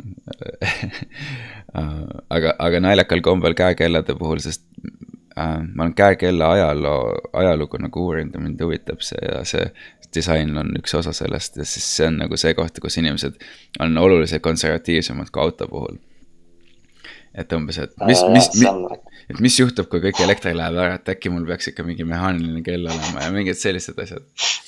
et. Äh, jah, kusjuures selle käekella ja ajaga, noh, ma saan aru, et see ei puuduta üldse asjast, aga ma olin, ma käisin nüüd äh, New Yorgis äh, korraks novembri lõpus ja, ja seal oligi üks sõbranna õpib ehte seal Tehnikaülikoolis äh, New Yorgis ja siis ma ta läks mingit koolitööd tegema. või noh, tal oli vaja ühte muuseumi külastada, kus olid vanad päikesekellad esimesest-teisest äh, sajandist, ka siis Roomast või Kreekast. ja siis ma hakkasin ka neid uurima ja tead täitsa lõpp, seal on niimoodi, et pildistada ei tohtinud, on ju aga siis oligi see, et ma ütlen, okei okay,, ma tulen kaasa, vaatame, kuidas see töötab, ma jätan meelde, pärast joonistan siis need ülesse selle noh, kooliprojekti jaoks talle, aitan talle ja siis ma ka uurisin ja uurisin need esimese päiksekellad. ei olnud niimoodi, et see varras oli püsti, ei, see oli nagu savist sõõr. üleval oli väike auk, aga ainult üks sein. niimoodi, et päike tuli sealt läbi ja siis oli kellaajaliselt ju noh, päike paistis ju erinevalt ähm, äh, vastavalt aastaajale ja vastavalt päevale on ju. et see, see, see sõõride tihedus näitas siis aasta aega, mida lähema talle keskpunktile läks seda noh, kuidas öelda siis talvisemaks läks, on ju, et kesksuvel tuli see valgus kohe otse alla ja samaaegselt kellaajajooned siis jooksid nagu noh, mingi rütmi all mingit erinevalt. aga see pani nagu esimest korda nagu üle pika-pika aja mu aju nagu täiesti ragisema. nii ma, ma üritasin nagu sellest kõigest läbi no, otseses mõttes nagu nagu puurida, et kuidas see süsteem siis ikkagi täpselt toimis sellel ajal, et kuidas see maa siis keerleb ja mitu päeva meil on, et täpselt ühel päeval ju satuks need äh, noh, need, nende noh, päikese ja asjaga ja siis see painas mind ikkagi, noh, ma joonistasin pärast kõik need ära niimoodi.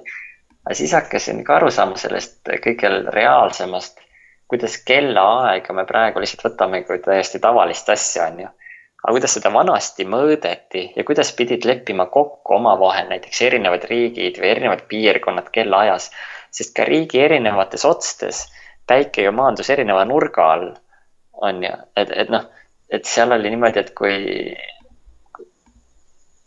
seal oli jah, päris, päris põnev seda mõelda, et noh, kuidas see toimis siis niimoodi seal kaks tuhat aastat tagasi ja, ja mm -hmm. et, et kui esimesed mõtted tekkisid ajale üldse ma soovitan äh, ühte filmi vaadata jah. sellega seoses, kui sa ei ole juba näinud, on selline film nimega äh, Samurai Astronomer aa, ei ole näinud, väga hea. mis, äh, mis räägibki täpselt siis sellest, et kuidas hiinlastel oli ülitäpne kalender ja, ja jaapanlastel, jaapanlased kasutasid Hiina kalendrit ja nii nagu sa ütlesidki, et see aeg ja kaardid ja kõik see oli selline informatsiooni arbitraaži vahend, kus, millega käis tohutu äri ja mis oli nagu võimu teostamise vahend, äh, see, kellel oli nagu parem info või paremad vahendid. Mul oli ka niimoodi, et ma hakkasin ka seda, seda nii palju nagu mõtlema, seal hakkas painama, kuna nii palju küsimusi tekkis. praegu mul meelest, ma visandasin kuhugi ülesse ka, sest mul läks endal ka juhe kokku just mingi konkreetse asja puhul, et mis asi see oli. mingi asi oli täpselt. aga ja, jah, see ongi täpselt niimoodi, et siis ma tajusin seda, et kui vähe me mõtleme nagu sellistele väga nagu reaalsetele asjadele, mis tegelikult me noh nagu iga päev on meie ümber, on ju. aga, aga nagu võtad seda nagu noh, iseenesestmõistetavalt käe pealt või siis ka telefonist ja kuidas see aeg välja arvutatud on mm. -hmm. kuidas seda seadistatakse. kas sa ise oled mõelnud proovida et, mingeid teisi valdkondi? noh, ütleme niimoodi, et eks see äh, äh, eks need dilemmad ju käivad ikka peast läbi, on ju, et nagu üldiselt selline, sealt tuli see Eesti Kunstiakadeemia lugu, miks ta nii oluline oli, sest kui ma päriselt läksin autodisaini õppima, siis ma sain aru, et ahah, et natukene kuiv on, on ju, et mul on vaja mingit, et mulle meeldis ka kõike muud, on ju, näiteks ähm, joonistada või mõelda või kuidas mingeid videosid tehti, aga samaaegselt mulle äh, hästi meeldib geomeetria on ju, kui hakatagi mõtlema läbi, kuidas varjud langevad, kuidas pilvelõhku või noh, kasvõi see, et kui me vaatame pilvelõhkujaid, on ju. seal on nii palju asju, mis nagu näiteks kui me vaatame, kõik jooned ju koonduvad ülesse ehk siis ühte punkti. see tähendab ka asjad, mis on meist paremal ja vasakul, tol hetkel ju koonduvad ülesse, aga me ei taju seda, et nad kõik koonduvad sinna ühte suunda. ja me keerame vasakule paremale uuesti neid teisi vaatama, vaatavad nad kõik ju teises suunas ülesse aga mõelda, et enne vaata, nad kõik koondusid teistpidi ülesse. me ei taju seda, et kõik ja siis, kui mõelda niimoodi, et see majade rivi meie ümber, see tähendab, et kõik peaks koonduma üles, aga me ei taju seda, et kõik painduks meie ümber sinna ülesse kokku, ei ole ju. Nad on ikka, lähevad kõik otse, see tähendab, nad peaks siis lahku minema kõik üksteisest või. et sellised asjad nagu eh, noh, lihtsalt vahepõikeks on ju, et, et eh, kuna eriti Frankfurdis, kus on siin palju kõrghooneid, kui ma kõnnin, siis ma ikka mõtlen ja noh, selle arhitektuurile ka just on ju et siis iseenesest, et arhitektuur on ka mulle meeldinud alati, aga, aga noh, niimoodi nagu päevapealt vahetada niimoodi, et äh, mulle meeldib mingit arhitektuuri visandada joonistada. aga, aga ütleme, see ongi see, et sellepärast on mul vaja, et läbi oma kunsti ma kujutan nagunii mingeid arhitektuurivorme, mis on nagu tõesti abstraktsed, aga see geomeetria painab mind alati, et nagu heas mõttes on ju, et ma mõtlen kuidas jooned painduvad ja kuidas neid fotosid teha niimoodi, et jooned kõik nagu kas siis joonduvad või siis vastupidi, et nad on nagu alati noh, tõesti geomeetrias, et. et ma ei tee palju fotosid, aga kui ma teen, siis arveses ma otsingi mingit nagu. kas siis mingi varjude või joonte mingit rütmi ja värki, kui teen neid, noh, mul on mõned sellised väiksed kunstiasjad, siis kunagi Aleksandr Jakovlev andis meile arhitektoonikat EKA-s see oli selline joonte ja rütmide asi ja tol ajal ma siis mõtlesin mingit jooni laoritta on ju lihtsalt ja vaatan nende tihedust ja rütmi. aga nüüd ma sain temaga kokku jõulude ajal. siis ma näitasin, ma olin teinud ühte siia galeriisse, see, kel ma täna külaski käisin, üks galerist. Nende galeriisse ma tegin ühe seina, neil oli jõuluaktsioon niimoodi, et võtsid üle Frankfurdi kunstnikke ja noh, mõned arhitektid ka. ja siis igaüks tegi jõulukuuse alal installatsiooni ja see oli täpselt samal ajal, kui Rakvere tegi oma jõulupuu ja see oli ju niimoodi, et see sai isegi Saksamaal mitmesse lehte sisse. niimoodi, nad olid FAZ-is, nad olid FR äh, Rundschaus, et nad olid nagu mitmes lehes sees siis ma näitasin neile ka onju, see täpselt selle kuusega ja siis ma tegin kuuse alal seina peale täiesti abstraktse sellise rütmivärgi onju. ja nagu kõikidele meeldis onju, et oh kui äge värk, särk, tegelikult oli seesama, mida Jakovlev juba ammu meile õpetas.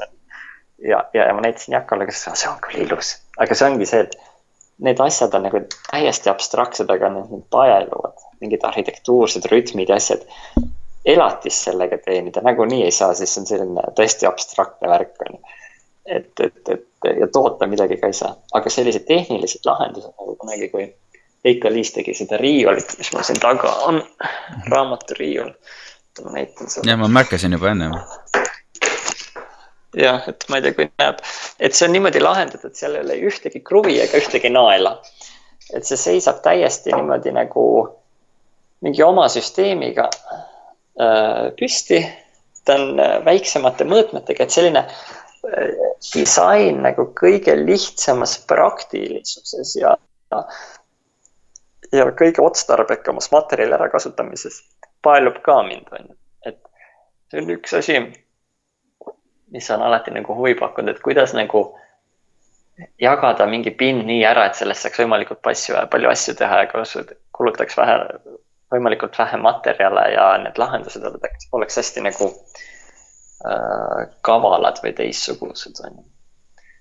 et ses suhtes nagu noh, kui vahepeal on võimalus teha nagu enda kodu jaokski või mõne sõbraga mingeid selliseid ägedaid asju, siis noh, alati hea meelega. see on nagu üks asi, mida alati tahab teha mm. -hmm. et nagu Eestis see kodamaja, mida sõbrad teevad, et see on ka üks väga äge asi, et mm. -hmm. ma ei tea, kas sa tead. ja ma tean väga hästi, ma, ma, mul on, mul on, mul on Pinterestis terve board selliste väikeste moodul asjadega, mida, kuhu noh mis oleks huvitav elada nagu, et äh, mulle see koda väga meeldib mm. -hmm. Uh, noh te, teine asi, mis mulle väga meeldib, on, on Taani firma VIP kahe B-ga nagu V, V, V I P P. saan pärast vaadata. ja neil on selline mm, -hmm. neil on selline toode nagu Shelter, mis on, äh, kõik on musta värvi seest ja väljast aga siis küljed on, mõlemad on aknad maast laeni ja, ja, ja sa saad seda niimoodi, oh see on natuke, see on selline ulmeline asi, aga et sa saad selle toote, sa, ostad selle tootena, põhimõtteliselt sa ütled, et siin on maa, pange see siia püsti. ja noh, et sulle aidatakse suunda ja siis, aga, aga ta tuleb niimoodi, et sul on kõik sees olemas. nagu kõik lusikateni välja tassideni, nad, need vipp ise ongi nagu tootedisaini ettevõte aga nad on jõudnud sinna yeah, faasi, et neil on kõik olemas ja free kastid on nagu ikoonilised neil äh, nagu juba, aga nagu kõik on sees, et see põhimõtteliselt tõesti nagu võtmed kätte lahendus, et äh, ilmselt ainult vetsupaber tuleb vastu ja toit külmkappi, et siis nagu võid minna, eks ole.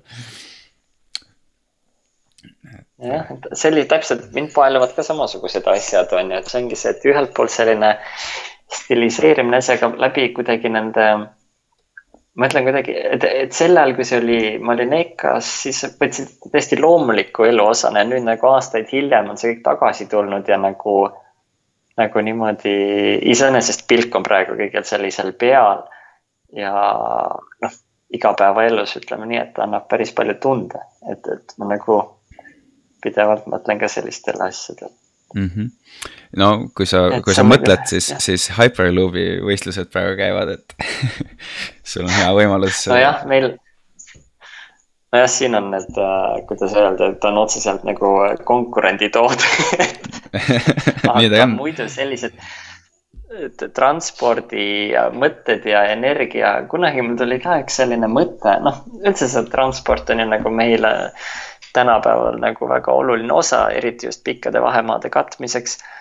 et siis iseenesest nagu mõtled, et ka, et kuidas kergem oleks reisida, vähem, vähema ressursi ja ka see, et vähema saastega ja et ka see süsteem ise toimiks kergemini noh, süsteem on ju palju kergemaks läinud tänapäeval niikuinii on ju, eriti Euroopa sees lennates, et ei ole passikontrolli ja saab hästi kiiresti lennujaama, noh, pileteid ei pea välja printima, kui ei ole, noh, nagu, et saab ka telefoniga näidata seda et hoiab nagu, säästab ka paberit. aga muus mõttes ikkagi, et see lennukikütuse kulu ja lennukite ehitamine ise on üks tohutu energiakulu. siis need materjalid ja kõik, et võib-olla noh, veel lihtsustada kõik, et et see on nagu hästi põnev teema tegelikult, et äh, kõik seda veel nagu kergemaks ja praktilisemaks teha on et. et äh, üle nagu, et see kõik on nagu hästi põnev nagunii, et eriti ka nagu linnadevaheline liiklus või just, mis puudutab nagu võib-olla saarte ühendamist maa, mandriga. et äh,,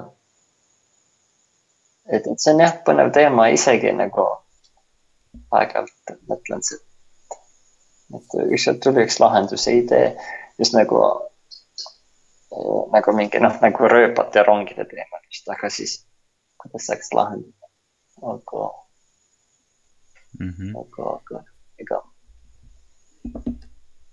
ütleme nii, et need on sellised asjad, millele peab ka siis juba keskenduma ja rohkem mõtlema, on ju, et siis jääb lihtsalt niimoodi mingi mõte kuhugile ulpima. jah, aga, aga ma arvan, et see, sellest äh, täitsa piisab meie auto, auto ja transpordi ja tuleviku jutust, et, et vahetame täielikult teemat ja tuleme võib-olla kodu Eestisse tagasi või, või, või Eesti juurde üldse tagasi, et, et ähm, kui keegi küsib ja sul tekib äh, vestlus Eesti kohta, siis äh, kuidas sa kirjeldad Eestit, milline on Eesti? No eks ma tavaliselt ikka ütlen niimoodi, et, äh, et on selline väike ja armas ja äh, mõnus. et äh, kõigepealt ikka ju nagu noh, see on alati selline äh, trikiga küsimus, et ei tohi kunagi peale näidata, noh, kõikidel on ju oma kodumaa ikka see kõige võib-olla armsam ja olulisem. aga alati tuleb seda kuidagi sõnumit niimoodi edastada, et inimesel tekiks ka mingil määral huvi. Ja et tekiks see esimene kuvand ikkagi hea, on ju, et ei oleks seda, et sellest kumaks läbi sellist äh, ärapõgenemist, ah, ma ei tea, seda alles rääkida, aga ja samas selline ülikiitmine, et ah, see on maailma kõige ägedam riik, et seda ei tohi ka tekkida, et see on selline et kõige paremaks reklaamiks, ma arvan, ongi need inimesed ise, on ju, et kes siis nagu tekitavad selle, kus me siis iganes ka oleme, on ju. et, äh, et siis tavaliselt üritan ma ka seda niimoodi väljendada, et, et sellel vestluse kaaslasel jääks lihtsalt selline positiivne mulje, aga et ta tahaks küsida rohkem. et vastavalt siis inimtüübile saab seda alati valida, aga, aga tavaliselt noh ütleme niimoodi, et see kirjeldus on paar sellist, no mis ma olengi öelnud, ongi selline lihtne, armas ja atraktiivne ja kiire arenguga ja on jah, seal Põhja-Ida-Euroopas et, et, et mitte segi ajada Islandiga, mida iseenesest juhtub saksa keeles ka, aga nojah, jah. Island, Estland, nad kõik ajavad omavahel segi. peab jah ilmekas olema um, aga kui sa mainisid seda, et sinu nagu suurim saavutus ongi sinna jõudmine, kus sa täna oled, siis minu arust oleks nagu üsna, üsna paslik ja üsna huvitav äh, oleks teada, et mis sinu arvates on eestlaste voorused ja tugevused, mis äh, aitavad meil rahvusvaheliselt äh, või rahvusvahelises konkurentsis võita? Ütleme niimoodi, et meil on kõigil umbe, umbes äh, täpselt üks sama positiivne, üks äh, sama selline negatiivne, sest see positiivne on see, et üldiselt on äh, eestlased hakkajad ja töökad. aga võib-olla see negatiivsem külg ongi see, et me üldiselt oleme ikkagi nagu hästi vaoshoitud ja vaiksed ja me, me ei väljenda ennast nii, kuidas öelda, nagu energiliselt võib-olla nagu seal keskeurooplased on ammugi mitte lõunaeurooplased on et äh, noh, kasvõi suurfirmades nähes on ju, et, et kui äh, kasvõi hollandlased või skandinaavlased seisavad enda nagu arvamuste eest hästi palju, siis tihti ma nagu ka tajun, et eestlased ikka nagu vaiksemalt ja et kui, et ah, mis ma ikka sinna ütlema lähen või mis ma ikka seda häält teen, on ju. kuigi nad võivad täpselt sama hästi tööd teha et, et aga neile ei ole seda, et ah, ma müün otseses mõttes nüüd ma lähen ja müün seda ideed, on ju. et kui idee nagu väärt ei ole, et ise ka tunneb, et jah, ei ole kõige parem asi, et mida ma ikka sinna hüppama lähen, on ju. et, et seda ma tajun, et see on nii enda puhul kui mitmete sõprade puhul, tuttavate puhul ma näen sama asja. et seda ma nagu nägin Itaalias, et kui hüpati, kõik oli nii, et ah, kui keegi läheb mööda, ütleb, et kui äge visa on, siis endale tundub nagu naljakas, et ise ka saad aru, ei ole ju äge, mida sa kiidad ja kui sa ei ütle ka, et oh, grazie, et siis sa tundud ka nagu väga ülbe, et sa ei tänanud teda on ju tema arvamuse eest, kuigi ise saad ka aru, see ei ole ju äge, see on ju jama täielik, mis ma tegin, on ju. aga, aga Eestis ei ütleks keegi mingit komplimenti, on ju, et, et ise ponnistad edasi vaikselt ja et, et eks need nagu dilemmad ja arusaamad on vaikselt paika loksunud, et millised me oleme mm. -hmm ja, ja sa korraks mainisid ka noh, et me oleme nagu vaiksed, et see nii-öelda tugevus ja nõrkus, aga võib-olla kui teistpidi mõelda, et mis on sellised asjad, mis, ähm, mida me saaksime parandada oma oskustes ja käitumises, et meil läheks paremini? no võib-olla ongi see, et olla nagu avatumad suhtlejad ja võib-olla selle müüjad oma idee müümisel on ju. kuigi ma arvan jälle, et see uus põlvkond teeb seda paremini kui noh, nagu meist vanem põlvkond või see, kus meiegi veel oleme, et, et äh, sel kõigel on ju omad põhjused, on ju, et see koolisüsteem ja keskkond ja üldse põhjaeurooplased ongi natukene niimoodi kinnisemad või noh, just, mis on võib-olla siis nagu soomlaste Eesti pool ühised, sest me, ma näen nagu soomlastel on umbes samasugused probleemid ja olek kui meil on ju, et nad on praegu nagu noh, ma näen nende sõprade puhul, see on Soomest, et disainerid, et nad on nagu, kes olid meie tudengid või kaasõpilased, nad on nagu nende koopiad otseses mõttes on ju, see on nagu üks sama ja kui ma võrdlen nagu siis itaallaste või sakslastega, see on nagu hoopis teine maailm on ju. et see on nagu nendel on hoopis teistsugune lähenemine ja kasvatus just kasvõi kooli poolt ja oma arvamuse avaldamist. et äh, võib-olla see on üks asi, mida võiks nagu neilt õppida, et lihtsalt olla nagu julgemad oma idee müümisel ja arvamuse väljaütlemisel mm. -hmm. nüüd äh, äh, selline äh, viimane küsimus Eesti kohta on see, et Eesti Vabariik saab nüüd juba aasta pärast sajaaastaseks. ja, ja milline oleks sinu soov Eesti sajandaks sünnipäevaks Eestile siis?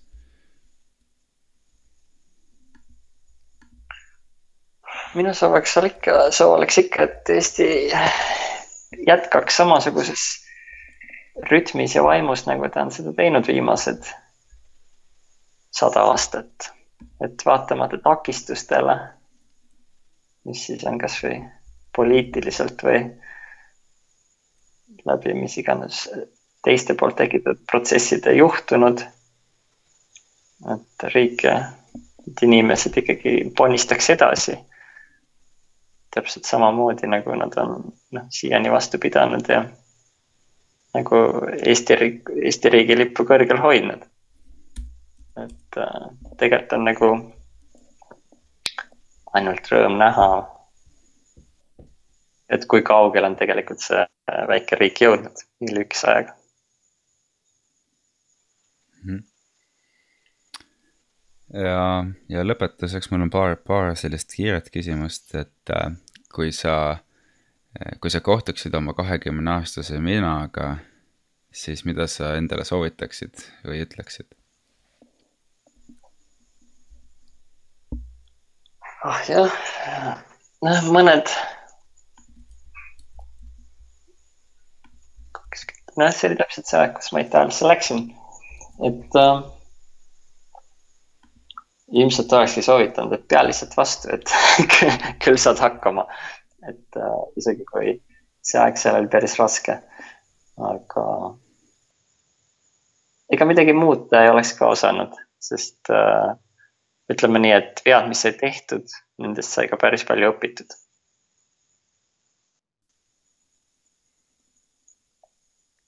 Mm -hmm.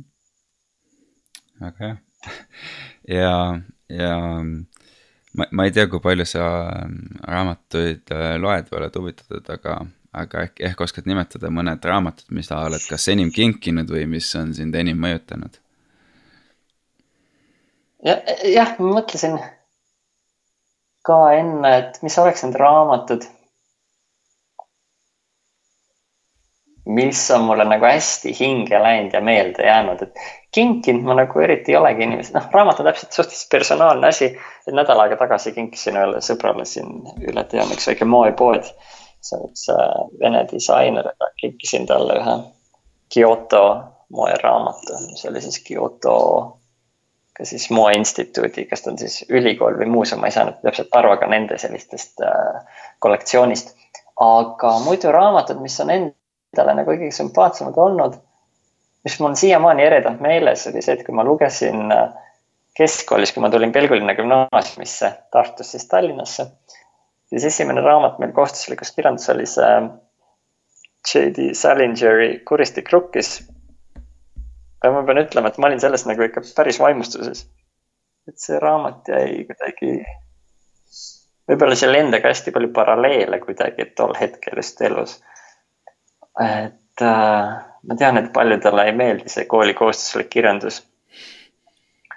aga mind mõjutas see raamat päris palju, ma kujutan ette ja seal kuidagi jäi päris meelde ja hinge ja hiljem, mis mulle ka hästi meeldis, oli Murakami see Kafka rannas, oli vist Kafka rannas. Kafka on the shore oli vist. Et, et see oli ka päris mõnus raamat ja kuidagi kiindusin sellesse ja siis seal oli ka, mäletan üks lõik sellest, kuidas ta kirjeldab selle tegelase sõitmist Mazda MX5-ga. siis ma mõtlesin, et jah, et tundub, et ta on omamoodi autofänn, et ta kirjeldas seda autosõitu ja käiguvahetust ja kõike nagu nii pedantlikult täpselt ma mõtlesin, et jaa, ta peab küll olema ise nagu autosõidust äh, nagu vaimustuses. Aga eks jah, ma pean ka ütlema, et ka tegelikult Tõde ja õigus äh, meeldis mulle. et kui ma lugesin, noh, ma lugesin küll ainult esimese ja viiendase, aga see oli ka kuidagi oluline, ma ei tea. kuidagi tõi nagu maa peale, et kust me tuleme, kes me oleme ja kuidas see Eesti elu ja olu ikkagi oli. Siis äh, ja noh, muidugi naljaga öeldes siis Eno Raua Sipsik, mis oli esimene raamat, mille ma ise läbi lugesin esimest korda. sama siin. tuli lihtsalt meelde, kuna ongi ma lihtsalt käisin sõpradel külas siin äh, kaks nädalat tagasi. üks Eesti-Saksa paar ja neil oli lapsele Eno Raua raamat, see Sipsik ja mul oli täpselt see, et teate, kui hästi mul on see meeles. see on ju see raamat, mille ma mäletan, nagu ma olin nagu nagu, see oli nagu see aasta kõrghetk. ma ju lugesin selle ise läbi ma mäletan, kui ma läbi sain, aega võttis, aga läbi ma sain. Vau, see on küll väga huvitav hetk, mul oli täpselt sama. ja ma õppisin põhimõtteliselt lugema selle raamatuga, et um.... no täpselt sama, ma ütlen, see oli esimene, mille ma läbi sain, et uh.... huvitav oli veel see, ma mäletan, et vaatasid neid, noh, et trükitekst on ju teistsugune kui, kui nii-öelda trükitähed, eks ole. et noh, kui sul raamatus on ja siis ma mäletan, et mingid tähed, ma ei saanud aru, mis see väike G on, eks ole, et kuidas see on, siis ma küsisin, mis see on. ja siis niimoodi ja siis ja siis sai raamatu läbi, jah.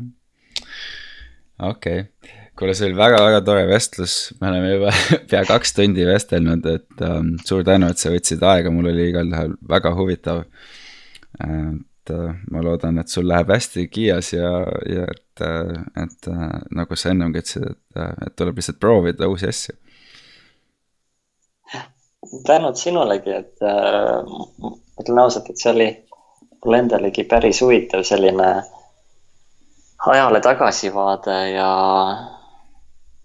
isegi ei olnud nii paljudele asjadele mõelnud tegelikult äh, igapäevaelus ja toimunud on, et äh, aitäh, et sul selline idee ja ettevõtmine on. et äh, sa oled suure töö ära teinud ja suurt tööd tegemas. aitäh sulle. aitäh. head külalised, sellega on meie tänane saade läbi. kui teil on mõtteid, ideid, kommentaare või uusi külalisi, keda tahate soovitada, siis kirjutage mulle globaalsed eestlased, et gmail.com. Kuulmiseni.